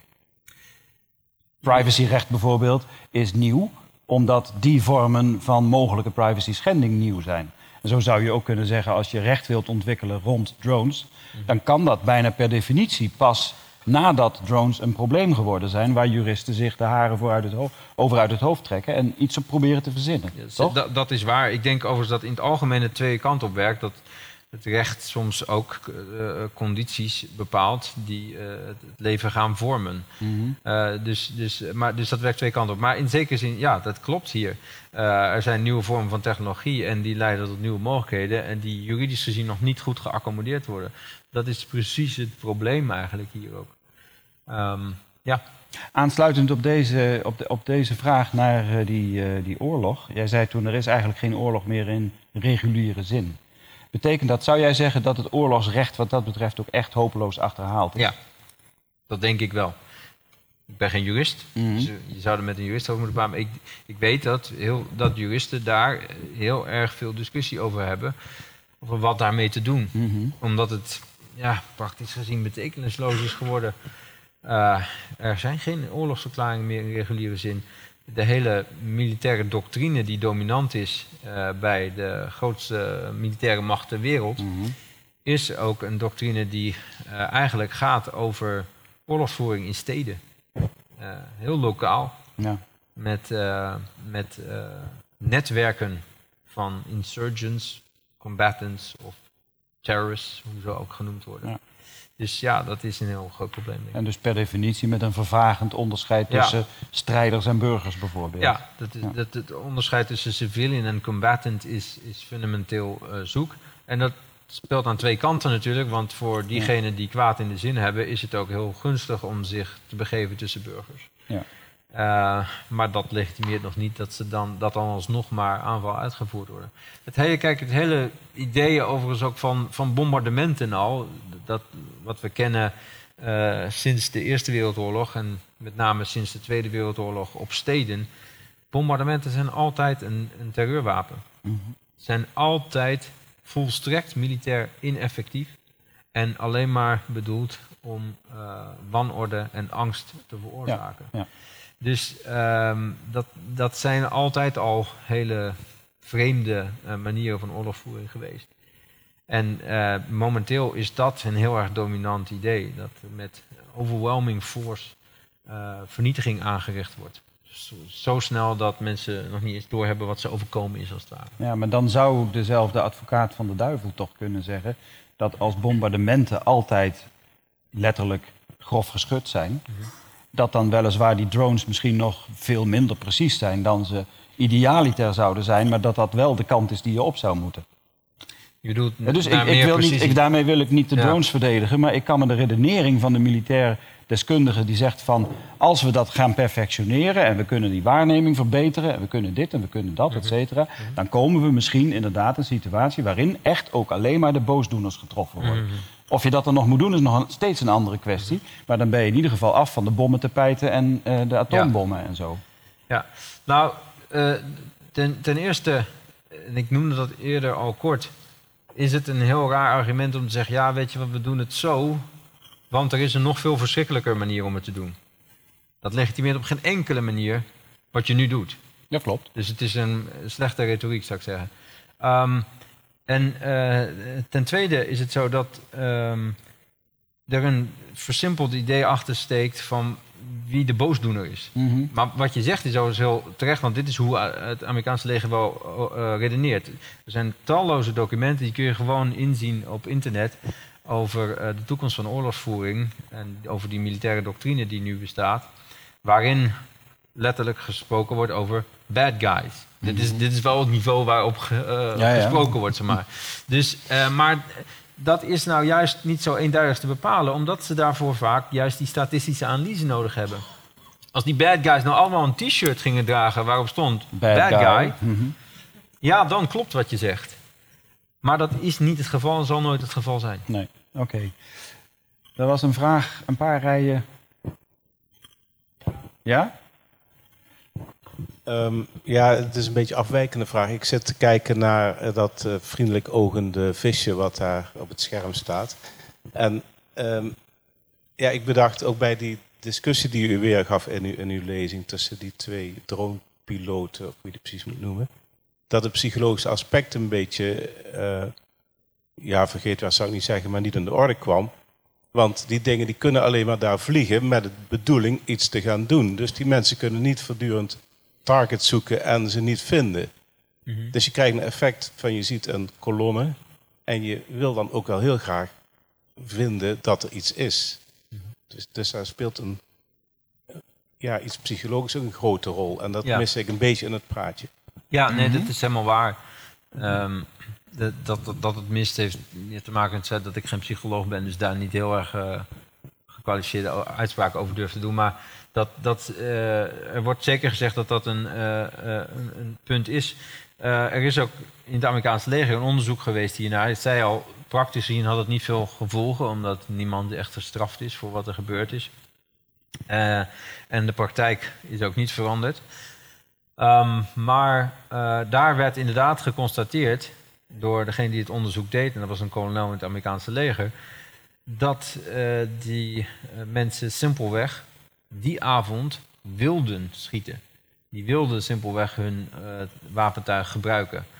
En ja, wat, wat u zegt, ja, ik weet niet of ik het me persoonlijk goed voor kan stellen, maar je kunt je voorstellen dat als je ergens zit om iets te gebruiken, dat je ook de neiging hebt om het wel een keer te gebruiken. Eh, dus, dus ik kan me daar zeker wat bij voorstellen. En dan komt het aan op voldoende checks en balances in het systeem hebben natuurlijk om dat soort psychologie tegen te gaan. Het is evident dat dat hier niet het geval is. Juist, eh, en juist dat degenen die meekijken van hoger in de hiërarchie, en dat is iets wat ook in dit transcript eh, zichtbaar wordt. U kunt het gewoon opzoeken bij de LA Times. Kunt u het helemaal lezen, het is iets van 40 pagina's lang. Dat op het moment dat de drone eh, operators en de sensor operators twijfel hebben dat er iemand van hoger in de commandostructuur ineens inbreekt. Dus ze wisten niet eens dat hij meeluisterde en zegt: nee, nee, nee, doorgaan. Het, eh, het is confirmed. Dus uh, die checks en balances zijn er niet. Die is juist hoger in commando uh, dat, dat men ook de drive heeft om in te grijpen. Mm -hmm. En voor een deel heeft dat te maken met uh, het feit dat, dat dit soort oorlogvoering um, lucratief is, omdat er weinig Amerikaanse slachtoffers vallen. En men wil dus aantonen dat men zoveel aanvallen doet en dat dat dus en zo uh, effect heeft. En uh, bovendien moeten we ook niet vergeten, zitten hier heel veel uh, belangen achter. Financiële belangen ja. ook. Bij de drones is überhaupt iets waar ook onze reguliere luchtvaart zal waarschijnlijk uh, op termijn vervangen worden door onbemande vliegtuigen. op dit moment is het al zo dat als u van Amsterdam naar New York vliegt, dat de piloot in totaal vijf minuten aan het stuur zit. Vijf minuten wordt het toestel echt bestuurd, fysiek, door de piloot. En de rest is een, een fly-by-wire systeem. Dus dat zal op de duur ook wel veranderen. Dus luchtvaartmaatschappijen, of vliegtuigbouwers moet ik eigenlijk zeggen, niet luchtvaartmaatschappijen. Vliegtuigbouwers zijn zich daarop aan het instellen en zijn heel veel drones aan het aanbieden. Dus dit is niet los te zien van wat wel het military industrial complex genoemd is. Mm -hmm. En dat is zo genoemd door uh, de voormalige generaal en, en, later president Eisenhower. En het is belangrijk om in de gaten te houden dat in het origineel van zijn speech. Het is, het is later geschrapt. Toen hij de speech gaf, is het geschrapt. Maar in het origineel van zijn speech stond het Military Industrial Congressional Complex. Dus hij impliceerde de politiek daar ook in. Uh -huh. En zijn adviseurs uh, die zeiden, nou, misschien moet je dat maar niet doen in een speech voor Congress.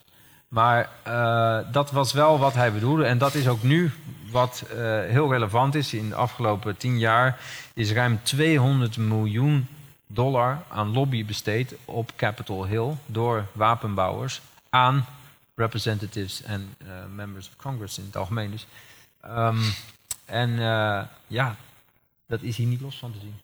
Dus ook daar zit de trigger drive in. Het is niet alleen op het psychologisch moment dat daar zo'n ding vliegt al.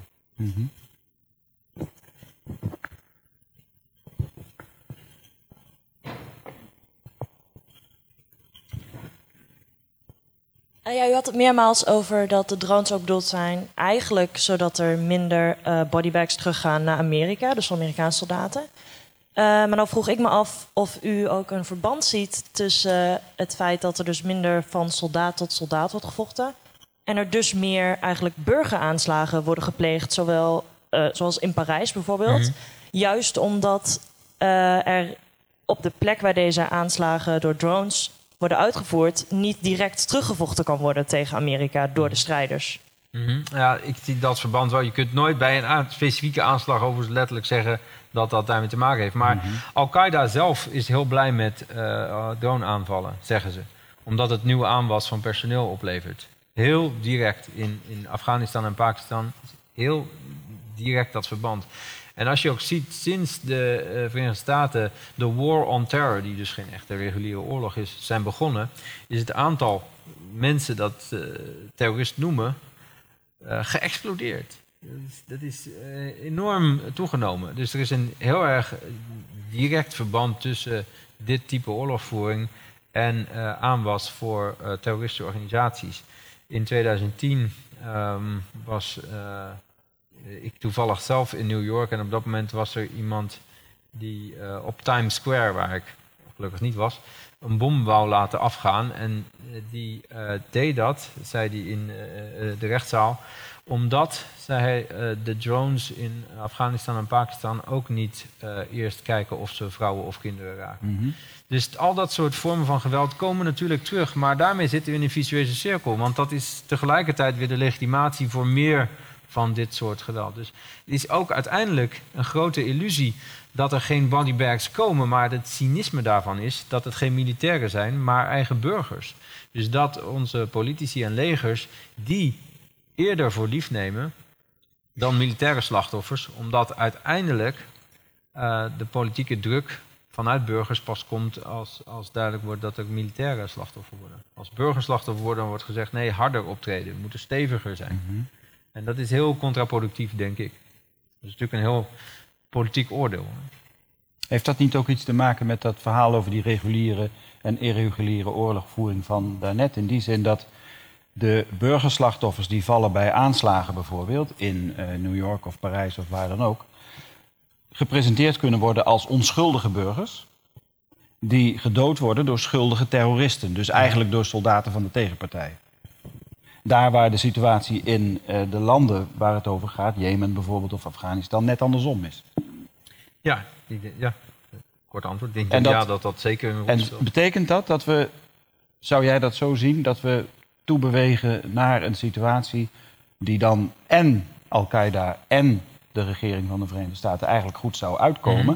Namelijk dat uiteindelijk de hele wereldbevolking opgedeeld wordt in good guys en bad guys. Dan komen we terecht in een slechte Hollywoodfilm. Nou, wat heel veel van dit soort dingen betreft, zijn we denk ik in een slechte Hollywoodfilm beland. Uh, en Hollywood is ook grappig genoeg, eh, ook als het gaat over killer robots, is Hollywood vaak de technologie net een stapje voor. Mhm. Dus daar zit een heel uh, interessante relatie ook. Maar um, ja, ik denk dat, dat we voor een deel in zo'n vicieuze cirkel zitten, ja. kijk, Al-Qaeda gaat ook weer voorbij natuurlijk. Het geldt ook voor ISIS. Over tien jaar denken we waarschijnlijk, hm, wie waren dat ook weer? Maar. Uh, er komt een nieuwe. ja, dus. dus uh, en dat heeft de hele tijd ook te maken met. Uh, ingrijpen van westerse mogelijkheden. Mm -hmm. Denk aan Somalië, waar Al-Shabaab ontstond nadat de Amerikanen de heel gematigde Islamic Courts Union systematisch middels de CIA onmogelijk hebben gemaakt toen ontstond Al-Shabaab, wat een spoor van vernieling trekt door uh, Somalië en aan uh, grenzende landen. Direct uh, ingrijpen van het Westen. We moeten niet denken alsof we alleen maar hier zitten en een wereld daar is waar wij af en toe eens in moeten grijpen. We zijn de hele tijd daar nauw mee verweven. Mm -hmm. En okay. ja, dat is een belangrijk onderdeel van die, van die twijfel die we steeds moeten hebben bij hoe we optreden en hoe we denken over wat universaliteit eigenlijk betekent. Ja, oké. Okay. Er was een vraag daar helemaal achterin.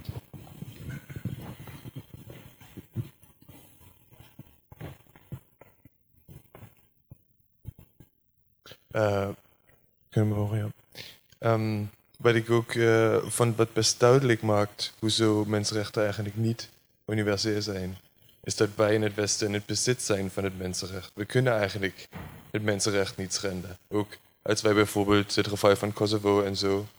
Dat, dat, is, dat is dan geen schending van mensenrecht, maar als Rusland uh, de Krim annexeert, dat is dan wel een schending van mensenrecht. Dus mhm. het is gewoon niet universeel in die zin dat wij het mensenrecht bezitten.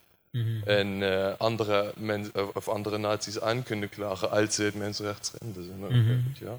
ja. Dat vond ik wel een best goede punt die duidelijk maakt hoe ze het niet universeel is. Weet je. Nou, ik denk dat het, dat het inderdaad problematisch is, omdat die notie van bezit, dat, dat, dat we meer daar uh, een twijfelende en onderzoekende houding voor zouden moeten hebben, in plaats van te zeggen, nee, wij bezitten dat. Uh, want uh, op heel veel, in heel veel gebieden in de wereld komt het ook heel aanmatigend over, dat, de manier waarop we daarmee optreden natuurlijk. Mm -hmm. Ik zou daar van mijn kant aan, aan toe willen voegen. Deels ben ik het hiermee eens. Maar ik denk dat je daar precies moet zijn en moet zeggen: het gaat niet over het bezit van die mensenrechten. Want in zekere zin zou ik, zou ik geneigd zijn te zeggen: iets wat universeel is, kan niet door iemand bezeten worden, om, precies omdat het universeel is. Maar wat wij hebben of claimen, is zoiets als het interpretatiemonopolie. En dat kun je wel bezitten. En, en daar zit denk ik ook precies de irritatie. Of de geïrriteerde reactie op het feit van jullie maken uit wanneer dat wel of niet van toepassing is. Jullie maken uit wanneer mensenrechten wel of niet geschonden worden. Maar dat, dat is niet een discussie over die mensenrechten, maar dat is een discussie over de interpretatie ervan en de toepassing, zou ik zeggen. Ja, ik denk dat het net anders is, maar die discussie hebben we net gehad. Ja, dat gaan we niet herhalen. Oké. ik heb dit even als een vraag aan mij geïnterpreteerd. Ja, ja, ja. Met nee, dat is heel goed. Oké, zijn er nog andere vragen of opmerkingen? Ja.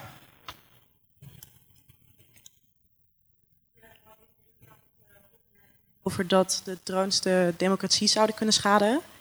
Um, want op dit moment vind ik het militaire besluitvormingsproces ook niet heel erg democratisch, over Nederland spreken dan. Ik bedoel, de regering maakt een besluit en de Kamer wordt geïnformeerd, maar ze mogen hier vervolgens niet over stemmen of alleen adviserend. Um, in hoeverre vindt u uh, dat democratie een rol speelt in het militaire besluitvormingsproces? En in hoeverre zou deze rol eigenlijk moeten gaan? Zo, nog even een vraag. Goeie Ik vraag. dacht ook bijna. nou, dat is, dat is een heel, heel. Laat ik zeggen, eh, dat is een heel belangrijke vraag. Dus alles wat ik zeg is niet eh, voldoende antwoord. Ehm,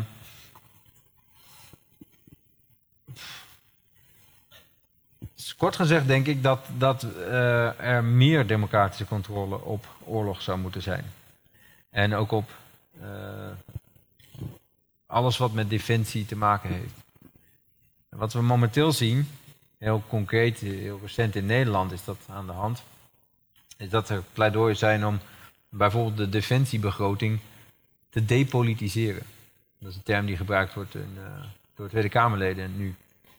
Dat is een voorstel geweest van een PvdA-Kamerlid. En dat is nou een voorbeeld waarvan ik zeg, ja, nee, dat zouden we dus niet moeten doen. Alles wat hiermee te maken heeft, moet niet in lange termijn begrotingen opgesloten kunnen worden, maar eh, moet permanent voor van democratische contestatie zijn. Dus, eh, want juist bij zoiets simpels als een, ogenschijnlijk simpels als een defensiebegroting, gaat het om fundamentele beslissingen over wat voor soort wapentuig aangeschaft kan worden. En als we dat eh, uit het parlement halen, meer dan nu, eh, dan denk ik dat dat, dan vind ik dat dat geen gunstige ontwikkeling is. Ik denk dat we juist meer zouden moeten politiseren. Geldt overigens niet alleen voor defensie en oorlog. Ik denk dat we überhaupt in een tijd leven waarin we heel sterk gedepolitiseerd zijn. Simpelweg omdat we zeggen, ja, er zijn niet echt fundamentele alternatieven voor de manier waarop we onze maatschappij inrichten. Ik denk dat als je dat zegt, dat een democratie een probleem heeft met het eh, het definiëren van wat vrijheid is. Vrijheid behelst ergens het hebben van alternatieven. Dus wie zegt als maatschappij, ja, er zijn geen alternatieven voor hoe wij het doen. Ja, hoe democratisch is dat eigenlijk? Dus eh, ik zou zeggen dat het belangrijk is om meer te, te politiseren. En het, is heel maf ergens dat, dat Tweede Kamerleden zo'n concept als depolitiseren gebruiken. Jij kent dat natuurlijk als, als een kritisch concept in de politieke filosofie. En, en, eh, dat wordt dan op een gegeven moment, wordt zo'n kritisch concept eh, wordt zo ergens onschadelijk gemaakt... omdat politici het zelf gaan gebruiken op een positief waarderende manier. Hetzelfde is gebeurd in de stadsplanning eh, bij het concept gentrification. Dat was in de jaren 60 een kritisch concept eh, wat gebruikt werd voor het, het eh, weghalen van arme mensen uit de stad en het neerzetten van huizen voor de middenklasses. En tegenwoordig is elke grote stad bezig met gentrification. We maken de stad leuker. Ja. Dus ja, dat is het probleem hier. Maar dit is zelf een, aan zich een depolitiserend iets natuurlijk. Dat soort kritisch vocabulaire waarmee je oorlogsvoering en wapens zou kunnen eh, thematiseren, dat het zelf onschadelijk gemaakt wordt. Door politici nota bene. Dus nee, we moeten onze politici veel meer het vuur na aan de schenen leggen, denk ik. Even tussendoor reclame mag maken. Dit, eh, Zeker. dit niet voor mezelf, maar voor een boek van een hele foute Duitse filosoof, namelijk Carl Schmitt. Het begrip politiek. En dan met name het nawoord, dat getiteld is ehm, Het tijdperk van de neutraliseringen en de depolitiseringen. Als je een keer iets wil lezen wat over dit soort dingen gaat, dan moet je dat lezen. Ja, eens. impliciet zeg jij eigenlijk, in antwoord op deze vraag, dat de volksvertegenwoordiging die wij hebben niet de plek is waar je de democratie moet verwachten. Want het zijn de volksvertegenwoordigers zelf die zeggen: haal dat weg bij de politiek. En de gemiddelde burger zal dan zeggen: van ja, dat is dus democratie. Het is toch de Tweede Kamer zelf die zegt. Mhm. En eenzelfde argument geldt voor een heleboel van dat soort depolitiseringen, denk ik. Ja. Financiële markten, om maar iets te Ja, noemen. Dat is allemaal langs democratische weg. Althans, langs wat wij meestal democratisch noemen. Ja. Dat is dus minder democratisch dan het lijkt, als ik jou goed begrijp. Zeker, ja. Dus als ik eh, reclame voor mezelf mag maken, Ja, je andere boek, Nieuwe Vormen van Democratie. dan zou ik zeggen De Nieuwe Democratie uit 2012. Dat, dat, beschrijft dit allemaal nauwgezet. En ik doe dat alleen maar om, omdat we geen tijd hebben om, om ook nog eventjes heel de democratie door te lichten. Maar ik ben het er hartstikke mee eens. En de tekst van Carl Schmitt kan ik absoluut aan, aanraden. Het hele boek van Carl. Het over. Maar hele- dit ja. even terzijde. Het hele oeuvre bijna, bijna, niet helemaal, maar...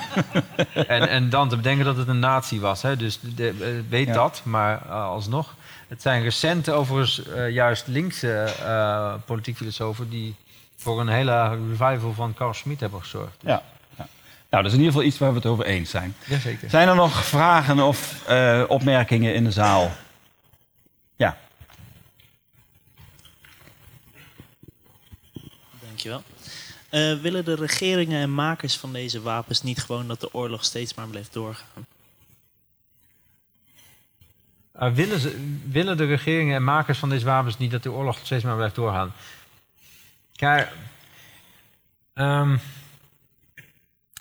op een bepaalde manier wel. Maar, we, maar in zekere zin uh, kan je dat ook niet zo zeggen. Althans, niemand zegt het zo. -hmm. en, en, en, en ik denk ook niet dat er, dat er, dat er individuen zijn die. dat er heel veel individuen zijn die, die echt zo denken. Dus het is belangrijk om het als een systeemeffect te zien. Ons, uh, en dat heeft te maken met ons kapitalistisch systeem, dat simpelweg zo werkt dat kapitaal accumuleert als uh, bepaalde regio's onstabiel gehouden worden, politiek gezien. En als uh, er conflicten zijn waar bepaalde vormen van industrie, die verder niet gereguleerd worden, dat zijn allemaal keuzes, allemaal politieke keuzes, dat die dat die, ik weet niet hoe ik mijn zin begon, maar dat die vormen van industrie, dat die goed gedijen bij conflicten. Mm -hmm. Dus in die zin willen we het, maar niet op individueel niveau. Ik uh, kom recent als bestuurder van de Jonge Academie bij, veel bij, bij allerlei politici, maar ook bij CEO's van allerlei bedrijven. Omdat, ja, daar praat je mee als je het over wetenschapsbeleid hebt. En dan blijkt dat het, dat het zulke aardige lui zijn. En daar baal ik dan van. Want als je, als, je, als je, het gezicht van het kwaad is altijd vriendelijk, zeg maar. Ja. Dus even. Ja. En, uh, en, maar het is natuurlijk ook zo dat de CEO van een van de grote bedrijven heeft nooit het idee, ah, ik ga eens even lekker mensen uitbuiten en uh, geld verdienen. Nee, dat is niet zo. Alleen een niveau hoger is dat wel het effect. Dus dat is waar we het moeten zoeken. En uh, dat is ook waar we iets kunnen doen. Maar mensen die vaststaande ideeën hebben in hun hoofd, ja, dat is het lastigste om te veranderen misschien wel. Het was ook een uh, gechargeerde vraag natuurlijk. Ja, ja, ja, nee. Maar is er wat dat betreft een verschil? Want je noemde twee categorieën. Je noemde aan de ene kant de bedrijven die, eh, de, eh, en aan de andere kant de regeringen. Is het niet wel zo dat militaire productie, of militaire bedrijven, militaire fabrieken, in ieder geval bijna gedwongen zijn om te hopen dat hun wapens af en toe ook echt op de proef gesteld worden? Ik bedoel, je gaf het voorbeeld van Israël die drones exporteert en dan zegt ze, ze zijn combat-proof, want we hebben ze al een keer gebruikt. -hmm. Dat is, zou je inderdaad zeggen, de beste aanbeveling die je kunt geven, commercieel gezien. Mm -hmm. Ja, maar... Deze auto heeft al eens een keer in ja. een slip gezeten en heeft ja. het overleefd, dus koop hem. Ja, ja precies. En die, die, die bedrijven die kunnen zeggen, ja, business as usual. Er is altijd oorlog geweest, dat zal altijd zo zijn. Wij maken toevallig drones en we proberen daar zo goed mogelijk... Ja. Dus die moeten wel bijna willen dat er toch in ieder geval ook gewapende conflicten zijn. Nee, de, de, Klopt dat? Dat, dat is in zekere zin zo, maar de link met de, de staat is heel nauw. Want uh, de staat Israël zou zonder de uh, belastinginkomsten die uit wapenexport uh, voortkomen... een heel erg groot probleem hebben. Wordt ook door iedereen onderkend, openlijk. Mhm. Mm -hmm. Dus ja, het onderscheid is... we hebben inderdaad te maken met een military-industrial political complex, zou je kunnen zeggen. Ja. Jij wilde nog een vervolgvraag. Ik wilde zeggen van als een uh, drone het goed doet, kun je hem natuurlijk heel goed verkopen en zeggen dat hij het heel goed doet. Maar als een drone het slecht doet en er veel collateral damage is, um, zorgt dat natuurlijk voor verdere de destabilisering en nog meer noodzaak om daar oorlog te voeren. Dus wat een drone ook doet, er blijkt altijd nog, het is alsnog goed voor die dronezaak om het nog meer te verkopen, om het zo maar te zeggen. Ik weet niet of het alleen goed voor de dronezaak is, of dat gezegd wordt, we moeten andere wapens hebben. Ook binnen de, uh, het leger is in de VS bijvoorbeeld is er strijd over die drones. Die strijd is grotendeels beslist wel in het voordeel van het gebruik van die dingen.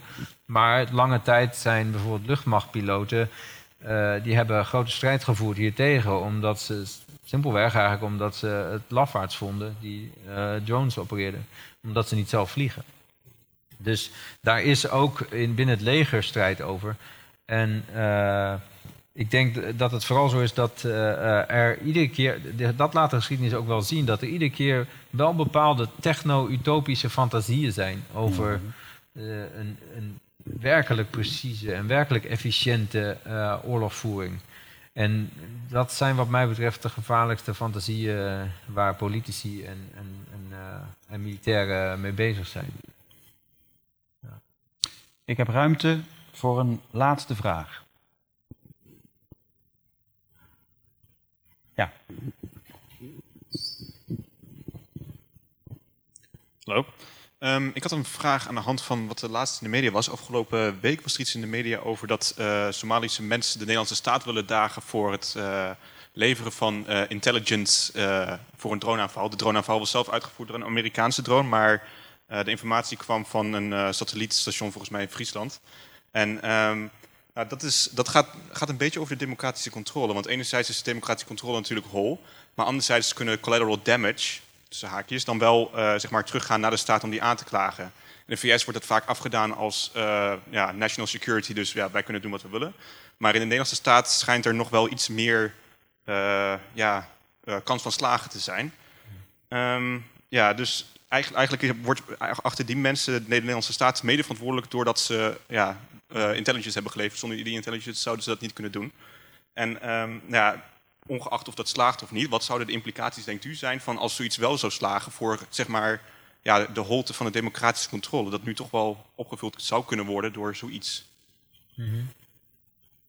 Ja, dat zou, dat zou kunnen, potentieel. Ja. Um, ik denk dat het lastig is om. Het kenmerk van dit type oorlogvoering is dat het uh, gebruik maakt van wat de Amerikanen dan een distributed ground system noemen. Dus het hele gebeuren is oorlogsvoering is zelf een netwerk. Uh, dus er zijn allerlei plekken op de wereld die tegelijkertijd gecoördineerd samenwerken bij zo'n aanval. En er komt intelligence van allerlei kanten. En het is altijd heel erg lastig dan om te zeggen wie verantwoordelijkheid heeft bij zo'n gedistribueerd iets. Dus de agency is distributed. En dat geldt dus ook voor de responsibility in zekere zin. Dus uh, ik, ik uh, had dit nog niet gehoord overigens. En, maar ik zal het zeker eens opzoeken en ik ben heel benieuwd hoe juristen daarmee omgaan. Ik vind het ook heel goed om uh, juristen te betrekken daarbij. Ten eerste omdat juristen vaak heel slim zijn. Maar ook omdat het voor een democratie belangrijk is dat ook een systeem als het recht op zijn manier uitspraken doet over dit soort dingen. Dus ik ben heel benieuwd. Het lijkt mij extreem lastig, omdat Nederland altijd zou kunnen zeggen: ja, maar wij wisten nog niet dat ze dat gingen doen met die beelden. Uh, het is gewoon een, een, een uh, bevriende mogendheid waarmee wij intelligence delen. Dus, ja. Maar, maar mm -hmm. zou, ik vind dat heel goed als dat gebeurt. En ik, ik, ik ga het zeker volgen wat, er, wat eruit komt. Oké, okay. dankjewel. Dankjewel voor uh, dankjewel. je antwoorden op de vragen. Dankjewel jullie voor de vragen en de discussie. En dankjewel voor je lezing. Yes.